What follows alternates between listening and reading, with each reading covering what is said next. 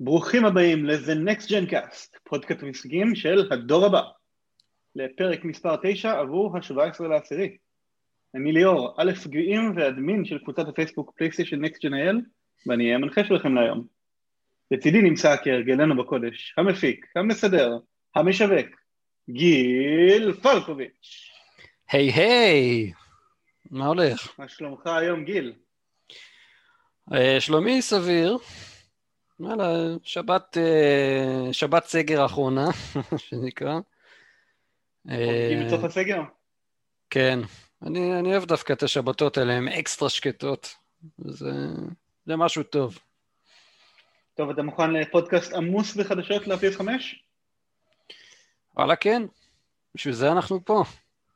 כן, אז היום בפודקאסט אנחנו הולכים לדבר על ממשק המשתמש של ה-PS5 שסוף סוף סוף נחשף. על! עדכון ל-PS4 עם שינויים גדולים לקראת היציאה של היורש. ועל ליין משחקי ההשקה של האקסבוקס, סדרה. מעולה, אבל. לפני שנתחיל, רק נזכיר לכם איפה אפשר להקשיב לנו. אז אפשר למצוא אותנו ביוטיוב, Apple Podcasts, Google Podcasts, ספוטיפיי, TuneIn Radio, Deezer וב Podbean, שזה גם השירות שאנחנו אה, עושים דרכו את ה hosting. אין לנו עוד קצת שירותים להעלות את הפודקאסט עליהם? נראה לי שזה לא מספיק. האמת שאנחנו מחכים לתשובה מאמזון מיוזיק, סלאש אודיבול. וואי, רציני? כן, רציני. אבל אם תמצא אחד אחר שאתה רוצה שנוסיף אליו, אז תגיד לי, דיזר זה אתה אמרת. אה, את האמת, אתה אמרת שזה קיים שם כבר בתוך פודבין, בעסק שלהם, אז אה, שיהיה, יאללה. אני בעד שאפשר? יהיה למצוא אותנו בכמה שיותר מקומות, כדי שכמה שיותר אנשים ייתקלו בנו במקרה. טוב, גיל, אתה מוכן ל section הראשון שלנו להיום? מוכן ומזומן. אז בוא נתחיל ונראה מה קורה בנקסט בחדשות הגיימינג. אה, ידיעה מספר 1, אולי דווקא אתה תיקח אותה? אני אתחיל. ידיעה מספר אחת, תאימות לאחור עם משחקי פלייסטיישן 4 על גבי הפלייסטיישן 5, תיקון והרחבה משבוע שעבר. אז אה, שבוע שעבר אה, פלייסטיישן העלו בבלוג שלהם ידיעה על, אה, בנוגע ל-Backwards Compatibility, אה, והם גם העלו כמה אה, תיקונים מאז. כן, אז- הידיעה הזאת עלתה שעה אחרי שסיימנו להקליט את הפודקאסט, כן. אז בידיעה החדשותית האחרונה שלנו באותו שבוע, היה שם הרבה תהיות שהעליתי וקיבלנו את כל התשובות אליהן באותו, ממש שעה אחרי. זה מאוד נחמד מצידם של סוני ככה. אבל זה יפה שהם, אה, שהם ככה דאגו לחדד כמה דברים. כי היו כמה דברים כן, לגמרי. אז אה, בואו נראה מה יש לנו פה. אה, תיקון משבוע שעבר, אפשר להעביר שמירות מהפלייסטיישן 4 לפלייסטיישן 5 דרך הפלייסטיישן פלוס וגם דרך ה-USB. כלומר, או בדיסק און קי או לחלופין בקונן שיש לכם, אה, קונן אה, עם אה, משחקים. דרך אגב, אם אתם לא יודעים, אם יש לכם קונן, קונן של משחקים חיצוני שמחובר בפלייסטיישן 4, אתם יכולים לקחת אותו is, כמו שהוא, ולחבר לפלייסטיישן 5. עם כל המשחקים שיישארו שם ותוכל עם כל המשחקים, כן, שזה לא כן. פחות חשוב, כי אני יודע על כמה וכמה אנשים שיש להם בין 3 ל-8 טרה, הכל הכל מלא עד אפס, אז בהחלט נחמד, נחמד כן, ומתחשב. לי אישית יש אה, שלוש טרה. אז uh, התיקון המרכזי פה זה ששבוע שעבר היה לנו רק את הספורט ארטיקל ולא היה לנו את, ה, uh, את המאמר מהפלייסטיישן בלוג, ובספורט ארטיקל לא הזכירו בכלל את הנושא של פלייסטיישן פלוס ואת ה-USB, אז אנחנו לתומנו תהינו שאולי זה לא יהיה אפשרי, אז מסתבר שזה אפשרי. מעולה, מעולה מאוד. אה, עוד תיקון משבוע שעבר, 99% ממשחקי הפלייסטיישן 4 יהיו זמינים כבר החל מהיום הראשון, שזה אומר בשבילנו מה-19 בנובמבר וחברינו האמריקאים מה-12. כן, והאמת שאפילו שמעתי שמתוך העשרה משחקים שלא זמינים, אה, חלק מהם כבר יקבלו פאץ' לתיקון לפני היציאה של ה-PS5 והם כן יהיו זמינים. אה, באמת? איפה קראת על זה? אה, שמעתי את זה השבוע בפודקאסט ממש היום או אתמול, אה, לגבי, אה, אני אגיד לך לגבי איזה משחק זה היה, טה טה טה טה טה, שנייה אחת.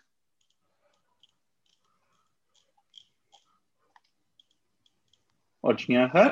אוקיי. למרות ש... זה היה לגבי TT Isle of Man.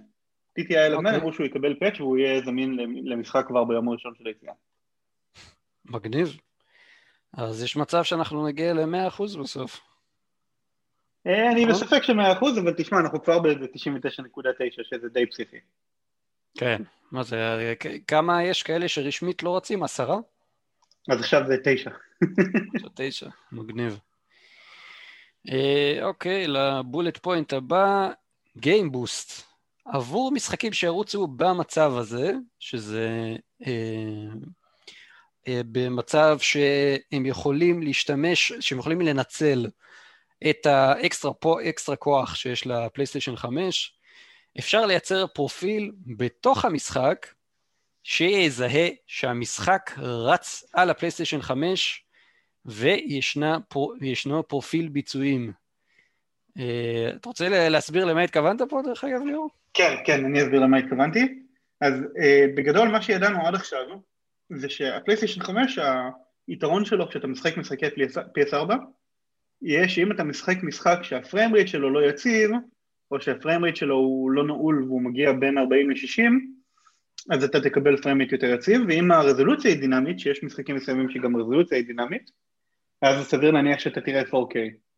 מה שעכשיו גילינו, שגם במשחקים שזה לא המצב בהם, כמו Ghost of Tsushima, המפתח יכול להכניס פאץ' למשחק, פאץ' לאותו גרסת PS4 בלי להוציא גרסת PS5 נפרדת, ושהפאץ' יזהה מתי המשחק רץ ב Game Boost mode על ה-PS5 ויפתח את החסימה של ה frame rate.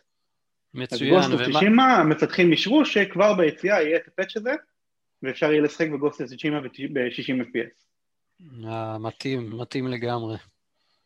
מתאים ואז לגמרי. שאלה כמובן המתבקשת זה אולי גם נראה את זה למשחקים אחרים של סוני, לגרסת ה-PS4 שלהם. וספיידרמן אני מניח שלא, אבל אולי ל Last of Us Part Two לדוגמה. יש מצב טוב שגם ל God of War יעשו את זה, כי ל God of War גם ככה אני זוכר שהיה לו Unlocked Frame Rate. כן, יש לו Unlocked, אז God of War בכל מקרה ירוויח מה Game Boost גם בלי פרופיל מיוחד. אה, לך תדע אם זה משתמש, אם זה ישתמש ב Game Boost או שפשוט ידמו לו שם פלייסטיישן 4 פרו. אז אה, לא דווקא אנחנו יודעים שכנראה שהוא ישתמש ב Game Boost כי הוא קיבל השבוע פאץ' כזה שכתוב עליו bug fixes וסביר להניח שהפאץ' הזה הוא בשביל לפתוח את ה Game Boost. כן, נכון, שנתיים, שנתיים אחרי שהמשחק יצא, סביר להניח שהם לא יתקנו בו באגים פתאום. כן, הוא לא היחיד, יש קבוצה של משחקי PS4, נכון. אה, כל מיני כאלה, משחקים כאלה של אה, צד א' של סוני שיצאו לפני הרבה זמן, Uncharted 4 ו-God of War 3 Remastered וכל מיני דברים כאלה, שפתאום כזה, פלופ, קיבלו כזה פאץ' ולא רשום בפאץ' שום דבר. אז אה, די ברור לכם בשביל מה הפאצ'ים האלה הגיעו.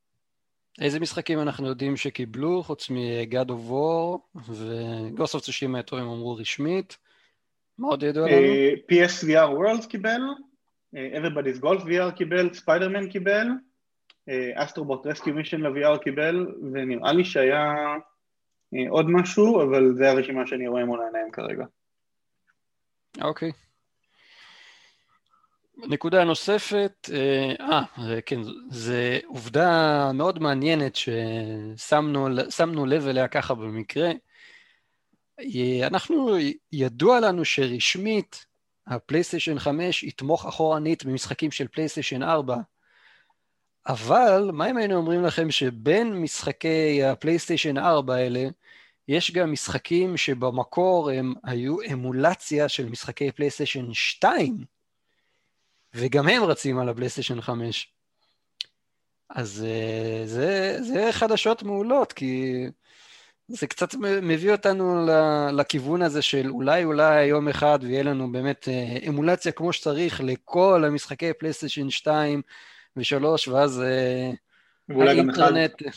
כן, ואולי גם אחד, נכון. אז זה באמת משהו שגם שמנו לב שאף אחד לא, לא מדבר על זה. כאילו, אנשים נורא נורא נכון. רוצים, נורא מחפשים את זה, שיהיה כבר את אה, Backwards Compatibility מלא, אבל אף אחד לא שם לב שזה כזה חצי רגל בפנים כבר. כן, ואני אדגיש גם למה אנחנו אומרים שזה חצי רגל בפנים. יש 52 משחקים כאלה.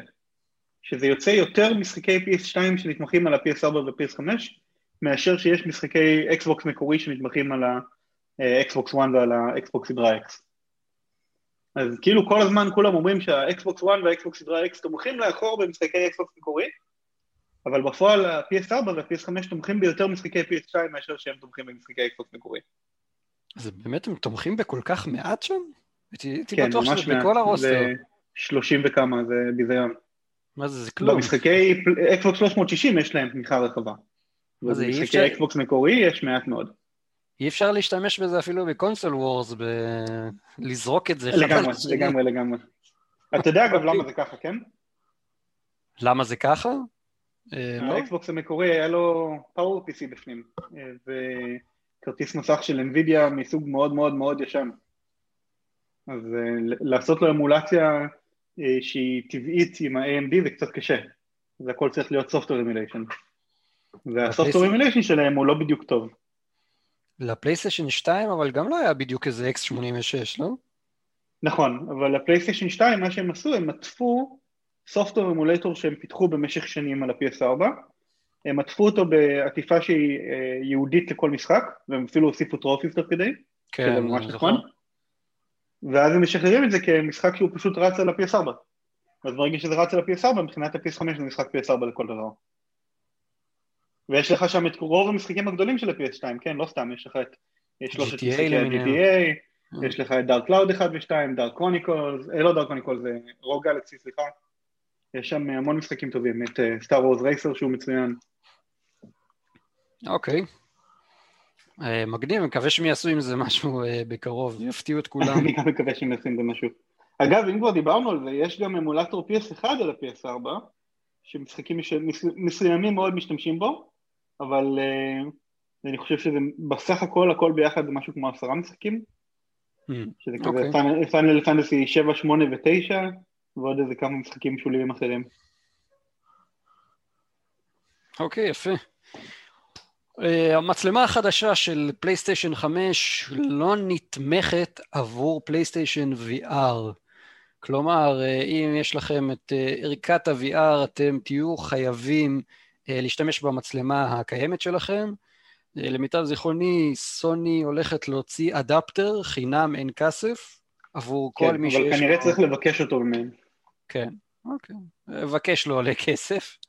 אה, כן, השאלה אם זה יהיה אפשרי בישראל, לבקש את זה. אני כמעט בטוח שכן, עדיין יש לנו פה נציגות שלהם וכולי וכולי. נכון, אני מסכים איתך, אני מקווה שזה המצב. אוקיי. אה, עוד אה, מיני ידיעה בפנים, מספר אולפ... מאולפני הפיתוח מקבוצת ה PlayStation Stu- Studios צייצו, אה, זה בעצם כבר, אה, בעצם אה, הזכרנו את זה. דיברנו על זה, כן, הזכרנו את זה כן. חלקית, אבל אה, מעניין לדעת שגם אצל Naughty Dog, כל המשחקים שלהם ל-PS4 יתמכו ב-PS5, וגם אצל Sucker Punch, וגם אצל סנטה מוניקה, וגם אני חושב אצל אה, סן דייגו אמרו את זה, אה, משחקי MLB. מגניב, טוב, די צפוי שפרסט פארטי זה... כן, נו, גם אתה יודע, זה. נכלל ב-99.9, אבל אה, הם חיכו להכרזה הזאת בשביל להגיד, הנה, גם שלנו שם. מאה אחוז. אוקיי, נראה לי זה סוגר את הידיעה הזאת. נקסט למספר 2. נקסט למספר 2, אז ידיעה מספר 2, שוחרר עדכון קושחה חדש, רשמי, גרסה 8 ל-PS שלהם 4. אז אה, כידוע וכראוי, בעדכונים שהגרסה שלהם הוא מספר עגול, 8.0, יש הרבה שינויים, והפעם השינויים הם בעיקר סביב מערכת הפארטי. אז הם שינו את uh, מערכת הפארטי והם בעצם איחדו uh, בצד של הטלפונים, הם איחדו את הפארטי ואת המסג'רס חזרה להיות אפליקציה אחת, ובצד של הפלייסטיישן 4, הפארטי מעכשיו uh, זה קבוצות שהן מוגדרות לפני, ויש להם שם ויש להם תמונה, ואתה צריך להוסיף אליהם, אתה יכול להוסיף אליהם רק חברים. שזה קצת העלה את האינטרנט uh, לרמות uh, כעס מאוד גבוהות. לא... ספר לנו קצת לא גיל, מה הלך שמה? אני, אה, כן. אה, הרעש המרכזי מסביב לדבר הזה, זה שקודם כל בעבר הייתה הפרדה מוחלטת בין ה party למער... למערכת ה messaging, אבל מה שהכי הרגיז אנשים זה שעכשיו בשביל ל... להגיע למצב שאתה ב party עם מישהו, אתה קודם כל צריך לעשות איתו group chat, ואז משם להוסיף אותו ל party, אבל הדבר שהכי הרגיז את, את כולם שם באינטרנט, זה זה שאין לך filtering למצב של private ו public. אני אישית לא כל כך, אה, לא כל כך מבין למה, למה אנשים כעסו על זה, כאילו גם ככה ה admin של ה party הוא זה, ש, הוא זה שמושך בחוטים, הוא זה שיכול להזמין מי שהוא רוצה, מאיפה שהוא רוצה, אה, ורצוי לציין שבעצם לא בדיוק מי שהוא רוצה, כן? כי בצד השני, אצלי למשל, אה, בעבר היה מכה של, של ספאם ב PlayStation Network, ואני מקבל מלא הודעות מיני, כן, מלא הודעות מכל מיני בוטים, אנשים שאני לא מכיר או לא רוצה להכיר, שמזמינים אותי כל מיני שטויות, או לא יודע, פורנו, היה שם מלא, מלא junk. אה, ויש לך פילטר לזה שאתה יכול גם ככה לסגור את זה, שאתה לא תקבל הודעות מאף אחד מחוץ לפרנדליס שלך. אז uh, בכל זאת, אנשים בחרו, אני לא יודע למה, to, to lash out ב- על סוני בגלל העדכון הזה. אבל את האמת, זה, זה לא הסיבה העיקרית למה הם יצאו נגדה, אנחנו עוד מעט נגיע באמת למיין ריזן, זה אחת הסיבות, אה, שאין אה. מצב filtering של private ו public. אוקיי, אז אה, מעבר לזה, היה פיצ'ר ב-PS4 שנקרא Communities, שאנשים לא כל כך באמת השתמשו בו. אה, בין השאר הפיצ'ר הזה שימש בשביל לייצר קהילות פרטיות סביב משחקים מסוימים ולהגיד אה, כל מי שאוהב את המשחק הזה תצטרפו לקהילה ואז אפשר לשחק ביחד או לדבר ביחד אה, בגלל שהפיצ'ר הזה לא היה בשימוש הם סוגרים אותו. אבל הם משאירים את הקהילות שכבר נוצרו פשוט אי אפשר ליצור חדשות וגם במסגרת אותו פיצ'ר יכולת ליצור איבנטים לקהילה שלך עכשיו אי אפשר לעשות גם את זה לא נראה לי שזה איזשהו הפסד גדול מאוד, נכון גיל? לא, אני לא השתמשתי בזה, אני חושב. כאילו הסתכלתי, ראיתי מי נגד מי, אז לא כזה עניין אותי. אני הסתכלתי על זה כשהייתי בתקופת הבטא של העדכון שהכיל את הדבר הזה. זה היה נראה נחמד, אבל אני חושב שמאז לא חשבתי על זה אפילו פעם אחת שזה שם. אוקיי. Okay. טוב, מעבר לזה, הם עדכנו את uh, רשימת האבטרים שמובנית בתוך המכשיר. עכשיו יש לנו הרבה מאוד אבטרים חדשים לבחור מתוכם, בעיקר של משחקים חדשים יותר, כמו Uncharted 4 וגוסט of Tsushima ו-Last of Us וכן הלאה. אה, פחות אה, מרעיש אבל נחמד מאוד, אפשר mm-hmm. מעכשיו להשתיק את המיקרופונים של כל הפארטי שאתה נמצא בו, וגם שלך, מה-Quick Menu, שזה ממש נחמד, אתה לא צריך לסגור את המשחק בשביל לעשות את זה. כן, כמובן, אה, אנחנו ממליצים, אם אתם כבר רוצים דרך מאוד מאוד פשוטה וקלה להשתיק, אז כדאי שיהיה לכם איזה הצט עם מה שנקרא בום מייק. זה מיקרופון שברגע שאתה מעלה אותו למעלה, אז לא שומעים אותך יותר. אה, זה הרבה יותר נוח אה, לדעתי. טוב, אבל לא אה, לכולנו יש כזה, ואצלי נגיד ב PlayStation Gold Wireless Headset יש פשוט כפתור mute. יש כפתור? ממש אוקיי. ללחוץ על הכפתור פיזית. אוקיי, ב headset של ה Silver, אני זוכר שלי שהיה לי את זה, פיצ'ר נחמד. יש לי את זה עכשיו גם ב Sennheiser שלי. וואלה. כן. טוב, אה, הוסיפו יכולת חדשה ב parental control. רגע, רצית להגיד עוד משהו? כן.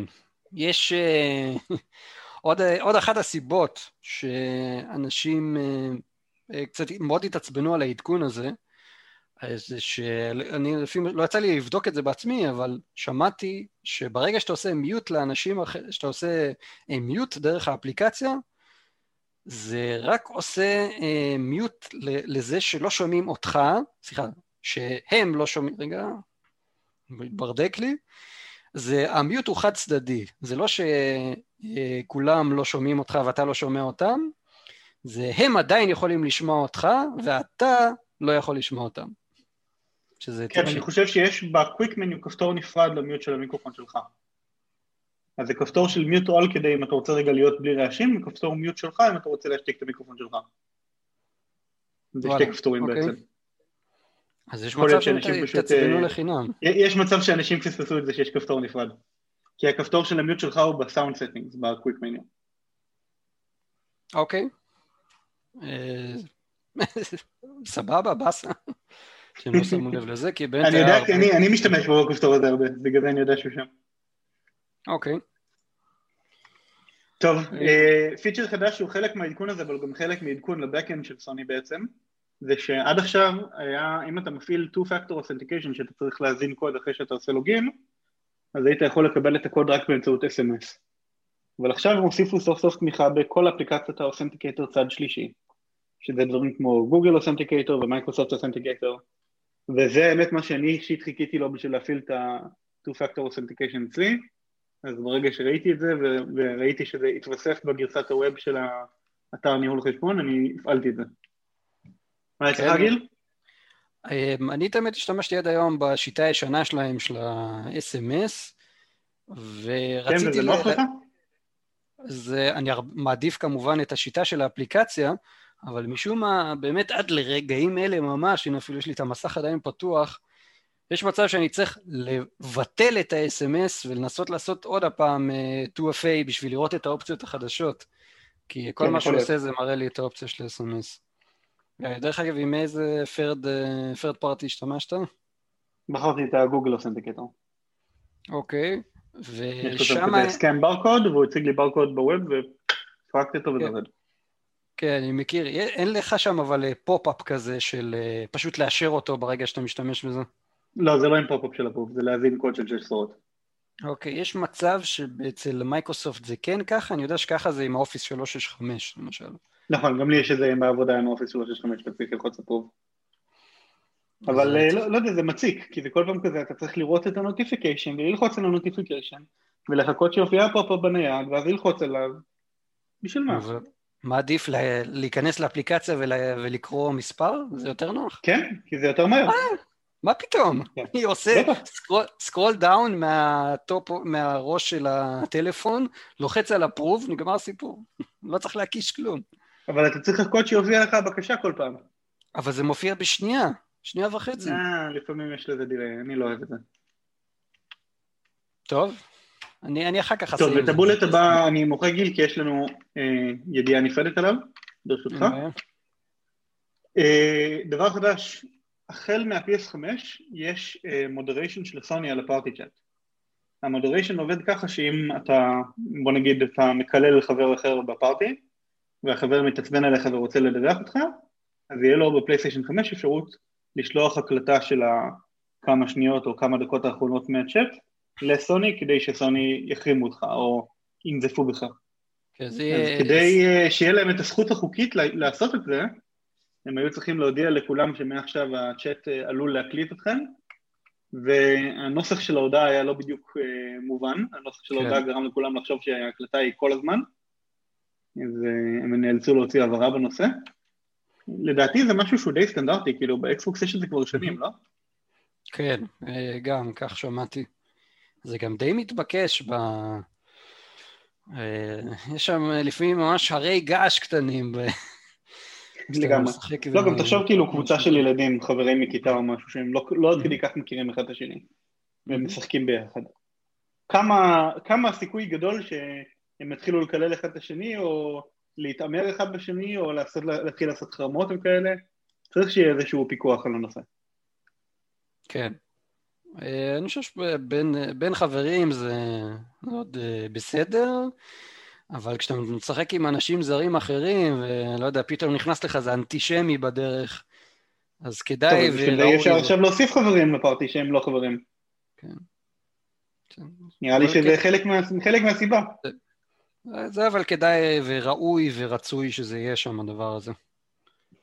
אה, רצוי רק אה, לציין שאפשר להקליט עד 20 שניות אה, מה... כן, עד 20 שניות, אוקיי. זה, כן, מהחמ... מהחמש דקות האחרונות של, ה...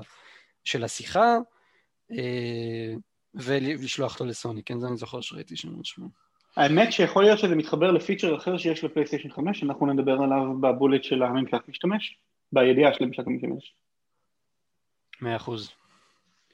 טוב, אה, דבר אחרון שאני רציתי לציין, שזה כן.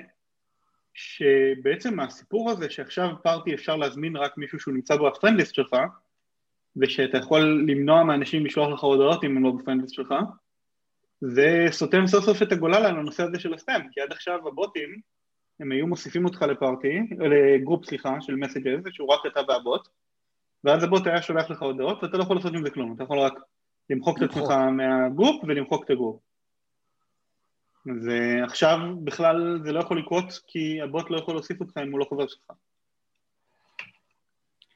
זה, דרך אגב, זה משהו חדש או שזה היה קיים כבר? אני חושב שזה חדש, זה בגלל האיחוד של ה messages עם ה party. אוקיי. בסדר גמור. טוב, אז זה אה, עדכון 8.0. כן, דבר אחרון רק על העדכון הזה, יש גם לא מעט דיווחים על אה, אנשים שהרשימת פרנדליסט שלהם לא מופיעה, אנשים שה... אה, שהמשחקים נתקעים להם, שהמכשיר אה, לא, לא עולה, שהמכשיר נכנס לסייף מוד ולא עושה בוט מלא. העדכון הזה, יש משהו שם כנראה לא לגמרי, לא לגמרי מסודר עד הסוף. אם יש לכם אפשרות, חכו אולי קצת לאיזה שמונה אחד. אה, טוב, זה, זה מה שאני חושב. לי אישית לא היו בעיות כאלה, לך היו בעיות כאלה? גם לי לא היו, לא. גם לי לא היו. יש לי... דווקא אבל כן שמתי לב שהוא עשה rebuild ל database של הדיסק החיצוני כשהוא עלה. מאה אחוז. אז אה, יאללה, נקסט, מספר שלוש. נקסט, אה, אני אקח את מספר שלוש. נלך על זה. עלה לאוויר אתר ספריית המשחקים החדש של סוני. ויש לנו אתר חדש בשם library.playstation.com והוא מחליף לחלוטין את הדאונלוד ליסט שהיה בפלייסטיישן סטור הגרסה הוובית שלו עד עכשיו. אה, שזה בעצם אומר שדרך האתר הזה אתם תוכלו להתחיל הורדות אל המכשיר PS4 או PS5 שלכם. אה, אבל אתם יכולים גם כמובן לראות באתר הזה את כל ספריית המשחקים שרכשתם ובפעם הראשונה אי פעם היא מפולטרת ככה שרק רואים משחקי PS4 ו-PS5 בלי אפליקציות, בלי תמות, בלי האבטרים שקניתם, בלי משחקי PS3 או PSP או PS Vita, הכל נקי ומפולטר, רק PS4 ו-PS5. תודה לאל. ורצוי לציין גם עם משחקי PS Now, אם יש לכם את המנוי. נכון, זה, אנחנו תכף נגיע לזה. אז אה, בספרייה כל משחק, כשאתה מסתכל על הרשימת רכישות שלך, כל משחק שהגיע מפלייסטיישן פלוס בחינם או מפלייסטיישן נאו, יש לו אייקון שמראה אם הוא מפלייסטיישן פלוס או מפלייסטיישן נאו. שזה מתחבר לאותן הודעות שגיאה שראינו לפני שבועיים. אה, יש קטגוריה שאתה יכול לראות בה את כל משחקי הפלייסטיישן פלוס שלכם במקום אחד, כמובן רק משחקי פלייסטיישן פלוס של PS4 ו-PS5, ויש גם קטגוריה שמראה לך באיזה משחקי PS Now שיחקתם, שזה מאוד נחמד, אצלי זה רק עשרה משחקים מתוך ה-400 שהם נותנים, אה, וגם אפשר לראות במה שיחקת מתי, כלומר הם עוד לא מראים לך שעות משחק, שזה קצת באסה, אבל הוא מראה לך מתי הפעם האחרונה ששיחקת בכל משחק מהספרייה, והוא מסדר אותם לפי האחרון ששיחקת. אז אה, גיל, יש פה שאלה אחת מתבקשת. והיא? כמה, כמה משחקים יש לך בספרייה שלך? אה, את האמת אני לא זוכר בדיוק, אבל יש לי איזה כמה כמה מאות, אני חושב בין 200 אה, ל-300, משהו כזה. אז אצלי זה פתוח מול, מול העיניים, ויש לי 578 משחקים בספרייה, מתוכם 223 אה, של פלייסטיישן פלוס. אתה ממש מהשנייה הראשונה כבר יש לך את הפלוסים, נכון? כן, מהשנייה הראשונה. עוד אי שם ב-2010 אני חושב זה היה? נראה לי שזה מ-2010. בהתחלה, אתה יודע, זה היה רק משחק חינם אחד בחודש, בתוכן זה היה משחק PlayStation Network אחד, שני משחקי PlayStation Minis, ומשחק אה, PlayStation אחד. זה היה הקונסטלציה המקורית שלהם למשך כמה חודשים, או למשך אפילו איזה שנה. קצת התקדמנו מאז. כן, קצת הרבה התקדמנו מאז. מעניין איך זה יהיה עכשיו עם הפלייסטיישן 5, מה הם יעשו עם הפלוס שם. אני מת לדעת, בינתיים אנחנו יודעים על ה collection, וגם השבוע גילינו עוד משהו שאנחנו נדבר עליו עוד מעט, אבל uh, זה לא מספיק, הם צריכים לתת לנו יותר מזה. בכל זאת זה 60 דולר בשנה, זה לא באמת, במיוחד עכשיו שהמחיר של ה PlayStation Plus ושל ה PlayStation Now זה אותו מחיר, ה discrepancy, האי תאימות בין התוכן שאחד נותן לעומת השני הוא די בולט. נכון. כן. אז אה, בוא נגלה מה הם יעשו. נגלה שאולי הם ימשיכו בטרנד האחרון של אה, פעם בשבוע לזרוק עלינו בוכטה של מידע. אולי ביום חמישי הבא נגלה עוד בוכטה של מידע לגבי PlayStation Plus. היה להם כבר את ה fuse הזה של החשבונות, שיש לך, שאתה יכול גם עם החשבון PlayStation Network שלך להתחבר ל... אה, מה זה היה? ל Sony Music, Music ו images ו reward וכל מיני שטויות כאלה. להכל. נו, זה כל כך מתבקש שייתנו לנו עכשיו גם את נאו וגם את הפלוס ביחד. כן, אני מסכים איתך, אבל פלוס ונאו הם כבר ככה על אותו חשבון. הם פשוט לא בתשלום אחד. כן, אני, זהו, הייתי רוצה שאתה יודע, ייתנו לי עוד איזה שתי דולר, שלוש להוסיף בחודש, יאללה, תנו לי את הנאו גם. זה כל כך. שיפתחו אותו גם בישראל ושנצטרך אה, להפסיק לעבור דרך הלופול הזה של ארה"ב בשביל לראות אותו. יש לך חשבון ישראלי בכלל, דרך אגב? יש לי חשבון ישראלי, כן, הוא משני. אוקיי, כאילו, הוא, הוא מסמן את אותו קונסולה כראשית, אבל יש לי אותו בתור חשבון uh, נפרד. אוקיי, לגילי... אה, אני חושב אולי רגע... אולי יש מצב... כינוי PSN של ליאור ישראל. אה, פטריוטי משהו. כן, אה? טוב גיל, נקסט אוקיי. לידיעה הבאה, קח אותה אתה. Next, ידיעה מספר 4. הפצצה של gameplay של איש העכביש Miles Morales.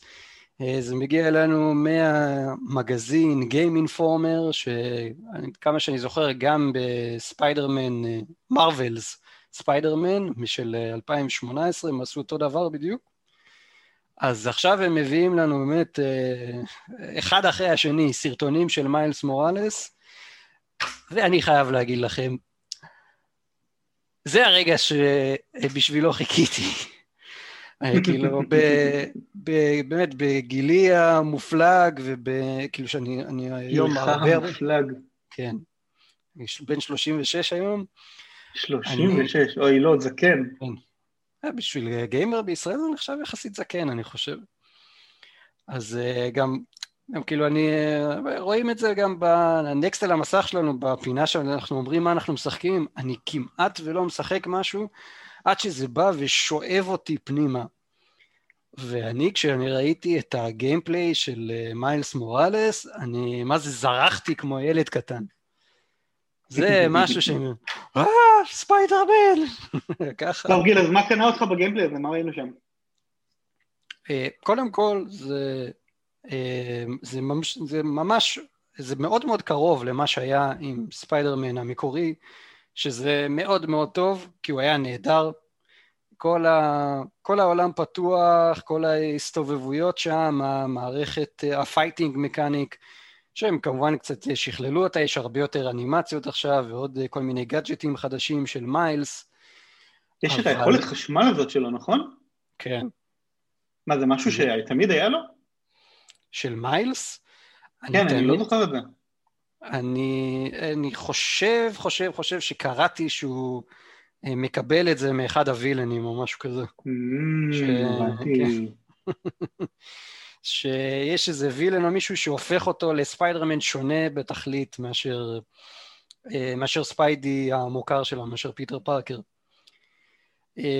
אה, אז מעבר לזה שרואים שם את, את העולם שהוא מאוד מאוד יפה ומאוד מושקע עם ray tracing, זה כאילו נראה שיגעון, ההשתקפויות, הקריצות של האורות אה, ניאון, אה, השתקפויות. וואי, לגבי ההשתקפויות, היה שם קטע באחד מהטריילרים, בטריילר gameplay ששחררו השבוע, כן. שראו אותו נכנס לתוך כזאת חנות מוכרת אה, שכונתית, בודגה נכון, כזאת. נכון, נכון, נכון.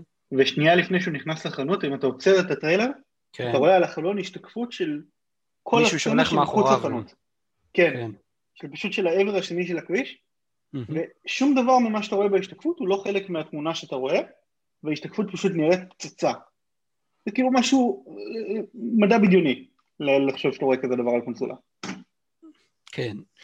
אני אבל, כאילו, אחד הדברים שם שמאוד, שהייתי ממש, הייתי בהלם וראיתי את זה כמה פעמים רק בשביל לקלוט שזה באמת מה שראיתי, אם אתם זוכרים ב Spider-Man, ב Marvel Spider-Man, שהיה את ה strongholds, את המעוזי אה, פושעים. איך? וקראו לזה bases אם אני לא טועה. ה bases, כן. אה, נכון. היה את המעוזי בבסיסי אה, אנשים רעים, שהיית צריך להיכנס שם ול, ולהרביץ לכולם, והיה גם איזה טיימר וכל מיני שטויות כאלה, היה שם כל מיני challenge־ים. כן, והיה כל מיני כאלה challenge־ים. כן. וגלים של אויבים. אז בכניסה, ל... בכניסה ל stronghold הזה, לבסיס, היה לך איזה מסך טעינה של איזה 20-30 שניות, וגם ביציאה ממנו. ופה ראינו, ראינו אותו יוצא משם, ורואים את זה כזה, הוא זורק איזה שני קורים לקיר, זורק את עצמו החוצה דרך איזה טוב כזה, דרך איזה צינור, ואיך שהוא יוצא החוצה אתה רואה את העולם. וזה היה מטורף. שמה? פחות משנייה של זמן טעינה, כי אתה פשוט לא רואה כן. את הזמן טעינה הזה. אתה לא רואה את הזמן טעינה הזה, כן.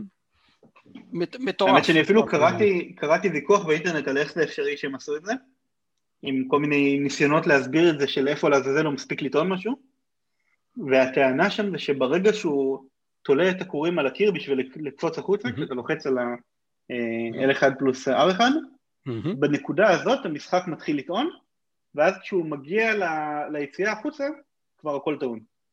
כן, וזה שתי שניות אולי, לכל היותר. נכון, שתי שניות לכל היותר. מטורף. וכן, זה דור הבא. זה לדעתי, הנושא הזה של זמני טעינה, זה יהיה הקפיצה האמיתית של הדור הבא. יותר מהגרפיקה, יותר מהכל. כן. עכשיו, עוד אה, דבר קטן שהיה לי, זה היה כאילו מאוד כיף אה, לראות את זה, לראות לקראת מה אתה הולך במשחק הזה. זה, קודם כל, פיטר, פיטר פארקר עדיין שם, ואתה בתור young uh, Spider-Man, אתה הולך להיות סוג של שוליה שלו. ואיך הם מראים את זה במשחק, מעבר לזה שהם כאילו ביחד אה, נלחמים ב bad guys, אה, רואים שממש התנועה של מיילס, כשהוא מרחף באוויר, כשהוא קופץ, כשהוא הולך, אה, כשהוא רץ על בניינים, היא כזה מאוד מאוד מגושמת ולא יציבה, אין לה את החן והחינניות הזאת של, של ספיידרמן, של, של פיטר פארקר, אבל מצד שני עדיין יש לה המון המון style, style מגניב כזה. אה, יש איזה קטע כזה שאני ממש ממש אהבתי את זה, זה שהוא, אה, שהוא אה, יורה כמה קורים וזה, ומתחיל להתנדנד בין בניינים, ואז פתאום הוא צועק כזה, וואו, let's go! ואז דופק כזה dive bomb הפוך עם, ה, עם, ה, עם הגב קדימה. זה היה פשוט מגניב לגמרי. אני לגמרי פסייקט אאוט באותו רגע. טוב, אני אחד מהדברים שאהבתי לעשות בספיידרמן 2018 זה היה כל פעם לעשות את, ה... את הסווינג עד המקסימום שלו, ואז איך שהוא מתחיל ליפול, ישר להתחיל את הסווינג הבא.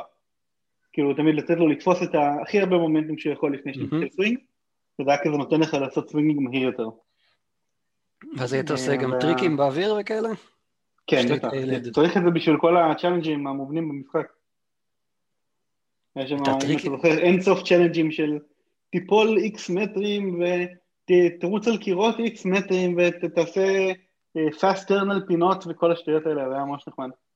אה, יש מצב שקיבלתי את זה תוך כדי המשחק, את זה ספציפית. כן, כן, בוודאות קיבלת את זה?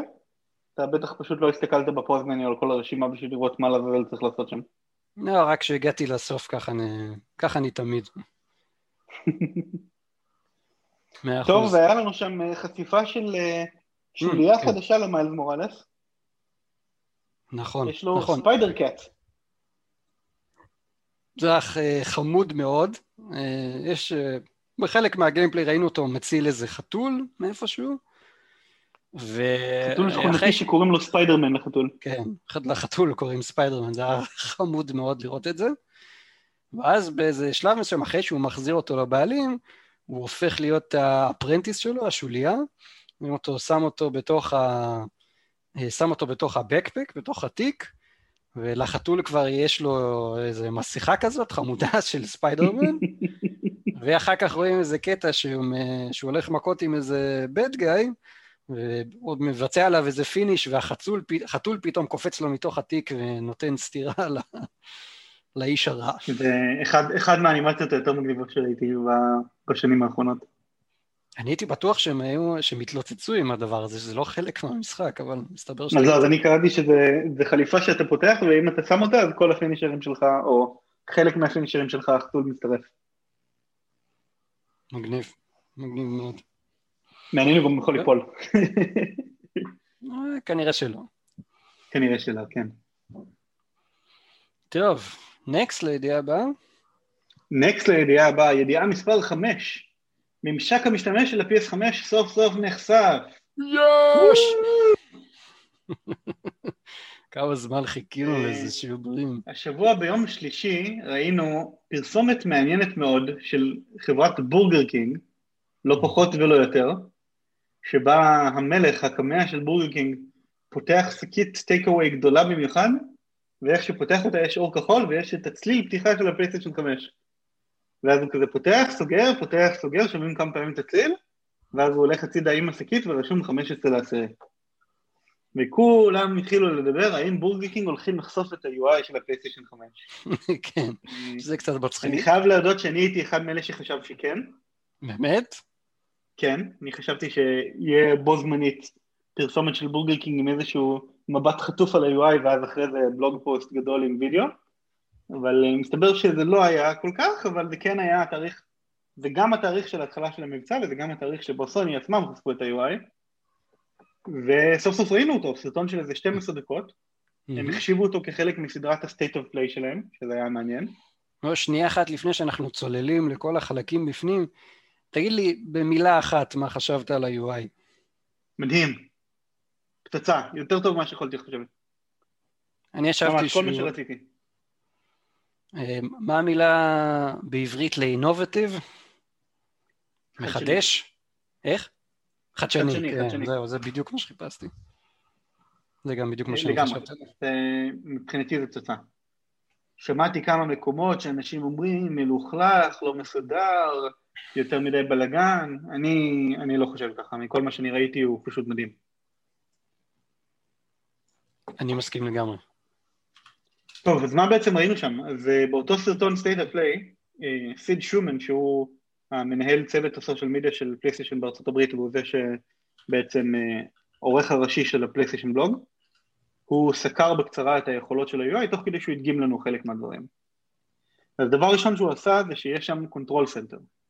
ה control center הזה הוא בעצם, הוא קצת מחליף את ה-Quick Menu, אבל לא בדיוק, ואתה מגיע אליו כשאתה לוחץ אה, לחיצה אחת על הפלייסטיישן button, במקום להגיע ישירות למסך הראשי, וה control center הזה מראה לך על המשחק הנוכחי שאתה נמצא בו, כל מיני פעילויות שיש לעשות, שאתה בחרת לשים שם, והוא מראה לך על כל פעילות כזאת, אה, הפעילות האלה נקראות activities, על כל activity כזה אתה רואה כמה אחוז מה activity סיימת, מה, ה, מה המטרה של ה activity, נגיד לסיים איזשהו שלב מסוים במשחק, mm-hmm.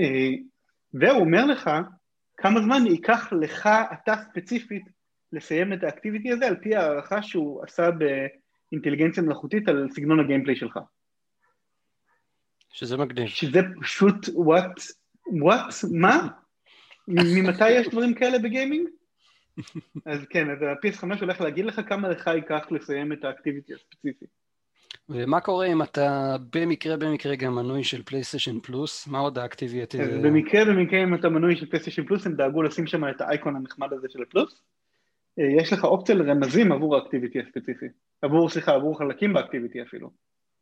אז כל רמז כזה הוא יכול להיות כמה דרגות של רמז, נגיד הם הראו שם אה, שבאקטיביטי של שלב מסוים יש לך בולט אה, של להשיג קולקטיבל מסוים בשלב, איזשהו תלבושת בסאקבוי, והיה לך רמז ראשון, ללכת להשיג את התלבושת, הם אמרו, תחפש בתחילת השלב, רמז שני, הם אמרו, זה איפשהו במקום שיש חוט גבוה, ואז רמז שלישי זה פשוט היה וידאו של איך להשיג את הסרטון. והווידאו הזה, אתה יכולת לנגן אותו בלי להשיג את המשחק, ואתה יכול גם להצמיד אותו לצד של המסך mm-hmm. ולשחק תוך כדי שאתה צופה בווידאו, ופשוט לעשות את מה שהווידאו מראה לך. שזה מבחינתי mind blowing. תחשוב בכל הטרופי הנטינג, שאתה מחפש איזשהו collectible אחרון בשלב ואין לך שמץ של מושג איפשהו, במקום זה אתה צריך uh, להתחיל לחפש בטלפון, סרטון ביוטיוב, ולהביא אותו למקום הנכון. זהו, לא צריך את זה יותר. איך אתה חושב אבל הם ישלבו את זה עם, uh, סתם דוגמה, ב Uncharted היה שם אחד מה... אחד מה trophy זה לאסוף איזה 80 קמעות, משהו כזה. נכון, היה לך את ה... אני חושב לקרוא לזה artifact ים או משהו כזה? כן, נכון. לא, תראה, treasures. treasures. אשתי הייתה ממש ממש טובה בלמצוא אותם, כי הם כזה עושים כזה נצנוץ פעם בכמה זמן. נכון, נכון, נכון. אז מה אתה אומר? תמיד הייתי משחק ואשתי מסתכלת מאחורה ואומרת, הנה, הנה, יש שם. אז מה אתה אומר, בכל section כזה, אז נגיד, אה, יהיה לנו ב activity, הוא יגיד לך, אה, יש לך פה איזה treasure אחד או משהו כזה? אני חושב שכן. כי תראה, בסך הכל, מרבית, ה... מרבית ה activities האלה הם די פשוטים לייצור, אתה מייצר אחד עבור כל section מרכזי במשחק, עבור כל שלב, והתתי bullet ים של ה activity זה הכל לבחירת המפתחים. אז הם יחליטו מה הם רוצים שאתה תתמקד בו, והם יחליטו כמה עזרה לתת לך. ולדעתי זה די מגניב. יחליטו כמה עזרה לתת לך. כן, אה, בקטע של האם להראות לך את כל הפתרון, או רק להגיד לך, הנה אה, האזור אוקיי. הכללי שזה נמצא בו. Hmm. אם זה, כאילו, אם יש שם אפשרות להכניס כבר סרט וידאו, אז נראה לי שזה, כן, זה יהיה all the way. ממש לא יראו לך את הפתרון. כל הזמן זה יהיה all the way. Hmm. כי זה יהיה קצת עצוב אם ככה, לא? מה זאת אומרת? מי שישתמש בזה זה מי ש... שחייב, שאין לו ברירה, אני יודע, שנתקע. לא חושב שזה כן, כזה... או מי שסיים את המשחק ורוצה לעשות clean up. כן. אז זהו, זה, זה באמת פיצ'ר נחמד לחובבי הגביעים שבינינו. כן, עכשיו משהו אחר מגניב שהראו ב activities האלה, זה משהו שאולי אנשים פספסו כי הם לא התעכבו עליו, אה, על כל activity כזה שהשארת על עצמך ב control panel, יש לך כפתור רזום עם ריבוע, וכשאתה עושה רזום, הוא פותח את המשחק על המקום שבו האקטיביטי נמצא, ומכניס אותך ישירות לשם. במקרה של סאקבוי זה היה, הוא קפץ ישר לעולם הרלוונטי ולשלב הרלוונטי וטען אותו. כמה זמן לקח? וכל הסיפור הזה לקח פחות מארבע שניות, לקח משהו כמו שלוש וחצי שניות. חלום, חלום. אז זה לא רק שזה אומר לך מה לא עשית וכמה אחוז נשאר לך לעשות, אלא הוא גם יכול לתת לך בלחיצת כפתור אחת, לפתוח את המשחק במיקום הרלוונטי. כמובן בהנחה שזה הגיוני מבחינת הפלואו של המשחק. פה זה משחק פלטפורמה, אז לקפוץ לשלב שכבר פתחת זה הגיוני. יודע, נראה לי שכל הקטע הזה עם האקטיביטי זה חלק מהפטנט הזה שראינו שלהם, של ה-AI. זה לגמרי, זה היה, כן, היה לא, לא רק פטנט של AI, היה פטנט של, הם קראו לזה direct play, של אה, ללחוץ על bullet אה, מסוים בשביל לפתוח section ספציפי במשחק בלי לטעון את כל המשחק מראש. אז אני חושב שזה זה, כי תחשוב נגיד היום בקראש 4 שאני משחק בו כרגע, אם אני רוצה אה, ללכת לאיזשהו שלב מסוים שלא סיימתי בו הכל, אני צריך לפתוח את המשחק, לעשות continue ל save, להגיע לעולם הרלוונטי, לבחור את השלב ואז לטעון אותו. כל הסיפור הזה נחתך לי, ישר מתחיל מלטעון את השלב. mind blowing. וגם הם אמרו שזה הולך לתמוך במשחקי פלייסטיישן 4 מסוימים, הפיצ'ר הזה. כן, נכון. מגניב זה, ממש. זה אגב, בהמשך למה שהזכרנו מקודם, על משחקים ש-out of the blue קיבלו כל מיני פאצ'ים, יש סביר להניח כן, יכול להיות שזה קשור, בטוח שזה קשור. אז יהיה לנו activities על God of War 2018. מגניב. אז אגב, activities, עוד משהו מעניין ב activities. בהרבה מאוד משחקים היום, אה, לסיים את כל ה trophies של המשחק, זה לא באמת ה-100% completionist שפעם היה. כלומר, נגיד ב God of War אתה לא חייב לסיים את המשחק על הדרגת קושי הכי גבוהה בשביל לקבל פלטיניום. זה לא אומר שלא יהיה activity על זה. ואז כן יש לך משהו לרדוף אחריו גם אחרי שעשית את הפלטיניום. נקודה למחשבה. מגניב, מעניין. כן, אה, הדבר הבא שהם הראו לנו שם זה אה, שימוש במערכת ה party עם השינויים החדשים, שזה פשוט מאוד מישהו הזמין אותו ל party בתוך אחד מהקבוצות הקיימות שהוא נמצא בהן, וזה הופיע לו כנוטיפיקציה כזאת, ה user אה, X מקבוצה Y הזמין אותך ל-voice chat, האם אתה רוצה להצטרף? קליק אחד על ה PlayStation button, join. ואז הג'וין הזה לא פתח לו מסך נפרד, זה לא הוציא אותו מהמשחק, והוא בתוך ה party ויכול להתחיל לדבר. נהדר, נהדר. זה גם שיפור משמעותי, אבל יותר מזה, הם מיד אחרי זה הראו, אותו חבר רצה להראות לו במה הוא משחק כרגע, אז החבר שלח לו אה, בקשה לשיתוף וידאו, והוא אישר אותה, ואז הופיע לו אה, וידאו של מה שהחבר משחק כרגע, שזה היה Uncharted Lost Legacy, והוא יכול להדביק את הוידאו הזה באחד מהפינות של המסך, או לשים אותו בתור סנאפין בצד של המסך, ולהמשיך לשחק את המשחק שלו תוך כדי שהוא צופה בצד בחבר שלו משחק. מעניין אם אפשר לעשות את זה דו-כיווני, שהוא יצפה בך ואתה תצפה בו. אה, אני מקווה מאוד שכן, כי תחשוב לעשות את זה על man of model. על Man of... כן. טוב, על Man of זה Medan הופך- שם זה כל הופך הקטע את זה Man ש... of Medan להיות אה, way out. כן, אבל Man of Medan כל הקטע שם זה שאני לא רואה מה אתה עושה. נכון, אבל אנחנו מדברים בצ'אט, אז אם אנחנו כבר מדברים בצ'אט, למה לא גם לראות? כאילו, אתה זוכר, אבל מש... בלי לספיילר שם מה, מה הלך, כאילו, לקח לנו כמה נכון, זמן. להבין את זה. כן, אבל זה, זה מגניב מאוד אה, שיש אה, את הטריק זה הזה של לראות. מה החבר שלך משחק. אז עכשיו כאילו, נגיד שאתה יכול... משחק, אה, אתה משחק משהו כמו Demon's Souls. ואתה תקוע באיזשהו בוס מסוים, ואז החבר שלך רוצה להראות לך איך לנצח את הבוס הזה. אתה יכול לראות אותו, מה הוא עושה, ולחקות אותו. אה, כן, זה, קונט... קונ- זה נו, קונספט אה, חמוד. כן. אה, הדבר הבא שהם הראו לנו זה לגבי נושא ה multiplayer. הם הראו שבאותו control panel היה לך הזמנה ל match מחבר, וה match היה במשחק אחר, ב-Destruction All Stars, שזה אגב הכי הרבה gameplay שראינו ב-Destruction All Stars מאז יוני, שזה די עצוב. והוא פשוט לחץ על ה match ב control panel, וזה טען אוטומטית את Destruction All Stars, התחבר לאינטרנט, לשרת, מצא את המשחק של החבר, הצטרף אליו, ופתח את המאץ', ואני חושב שכל הדבר הזה לקח שמונה שניות. כמה זה היה לוקח היום?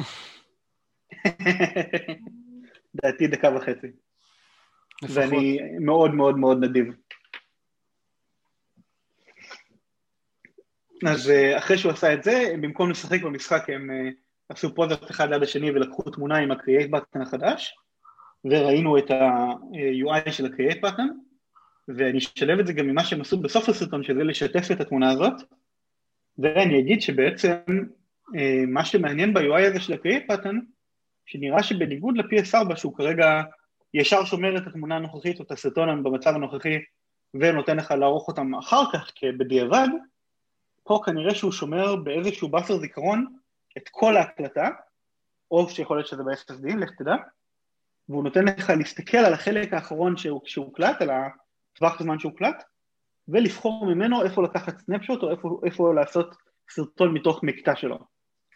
זאת אומרת, במקום שאתה תיצור סרטון ואז תערוך אותו ותיצור סרטון ערוך ואז תעלה את הסרטון הערוך, אתה לוקח את החלק שמוקלט שכרגע בזיכרון, בוחר ממנו מה לעשות ממנו סרטון ואז מעלה רק את זה. זה חוסך לא מעט זמן הדבר הזה. וגם הוא הראה שמה שבשיתוף תמונה הוא יכול לצייר עליה ולהוסיף עליה אנוטציות, שאני לא חושב שהיה את זה ב-PS4 בעצמו, היה אולי ב-share factory אופציה כזאת. כן. כן, רק בשיר פקט. אז אה, פחות או יותר נראה שכל הקונספט של share factory של אפליקציית עריכה הוא עכשיו אינטגרטד בתוך המערכת. מדהים. לגמרי. Uh, מעבר לזה, הם אחרי זה הם קפצו סוף סוף ל main dashboard, uh, למסך הראשי של המכשיר שהוא לא control center, מהמם. והוא נראה יחסית דומה ל-PS4 אבל יותר בקטן קצת. Uh, ראינו שם שיש אייקון ייעודי לפלייסטיישן פלוס, שיש אייקון ייעודי לפלייסטיישן נאו, והם הראו לנו שעל כל אייקון כזה של משחק אתה יכול ללחוץ למטה בשביל לראות את כל ה activities וה-DLC ודברים ששמרת שקשורים למשחק, שזה קצת דומה למה שיש לנו היום בפלייסטיישן 4, אבל נראה קצת יותר מעודן. אה, מה חשבת על הנושא הזה, גיל? ה- כל- הקטע הזה שאתה אה, מתוך ה...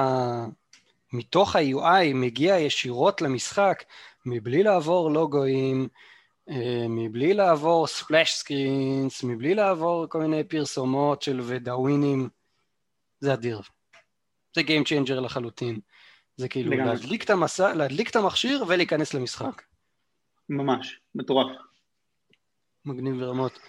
אבל uh, יש שם, uh, שזה הבולט הבא, uh, עוד דבר שהם לא, אמנם לא כל כך uh, הראו את זה ואיך שזה עובד, אבל הפלייסטיישן סטור היא עכשיו, היא לא אפליקציה, היא חלק מה-UI, שזה מגניב לגמרי. כן, אז אני חושב, השאלה המעניינת פה זה איך הם יטענו את הקטלוג של הזנות כל פעם.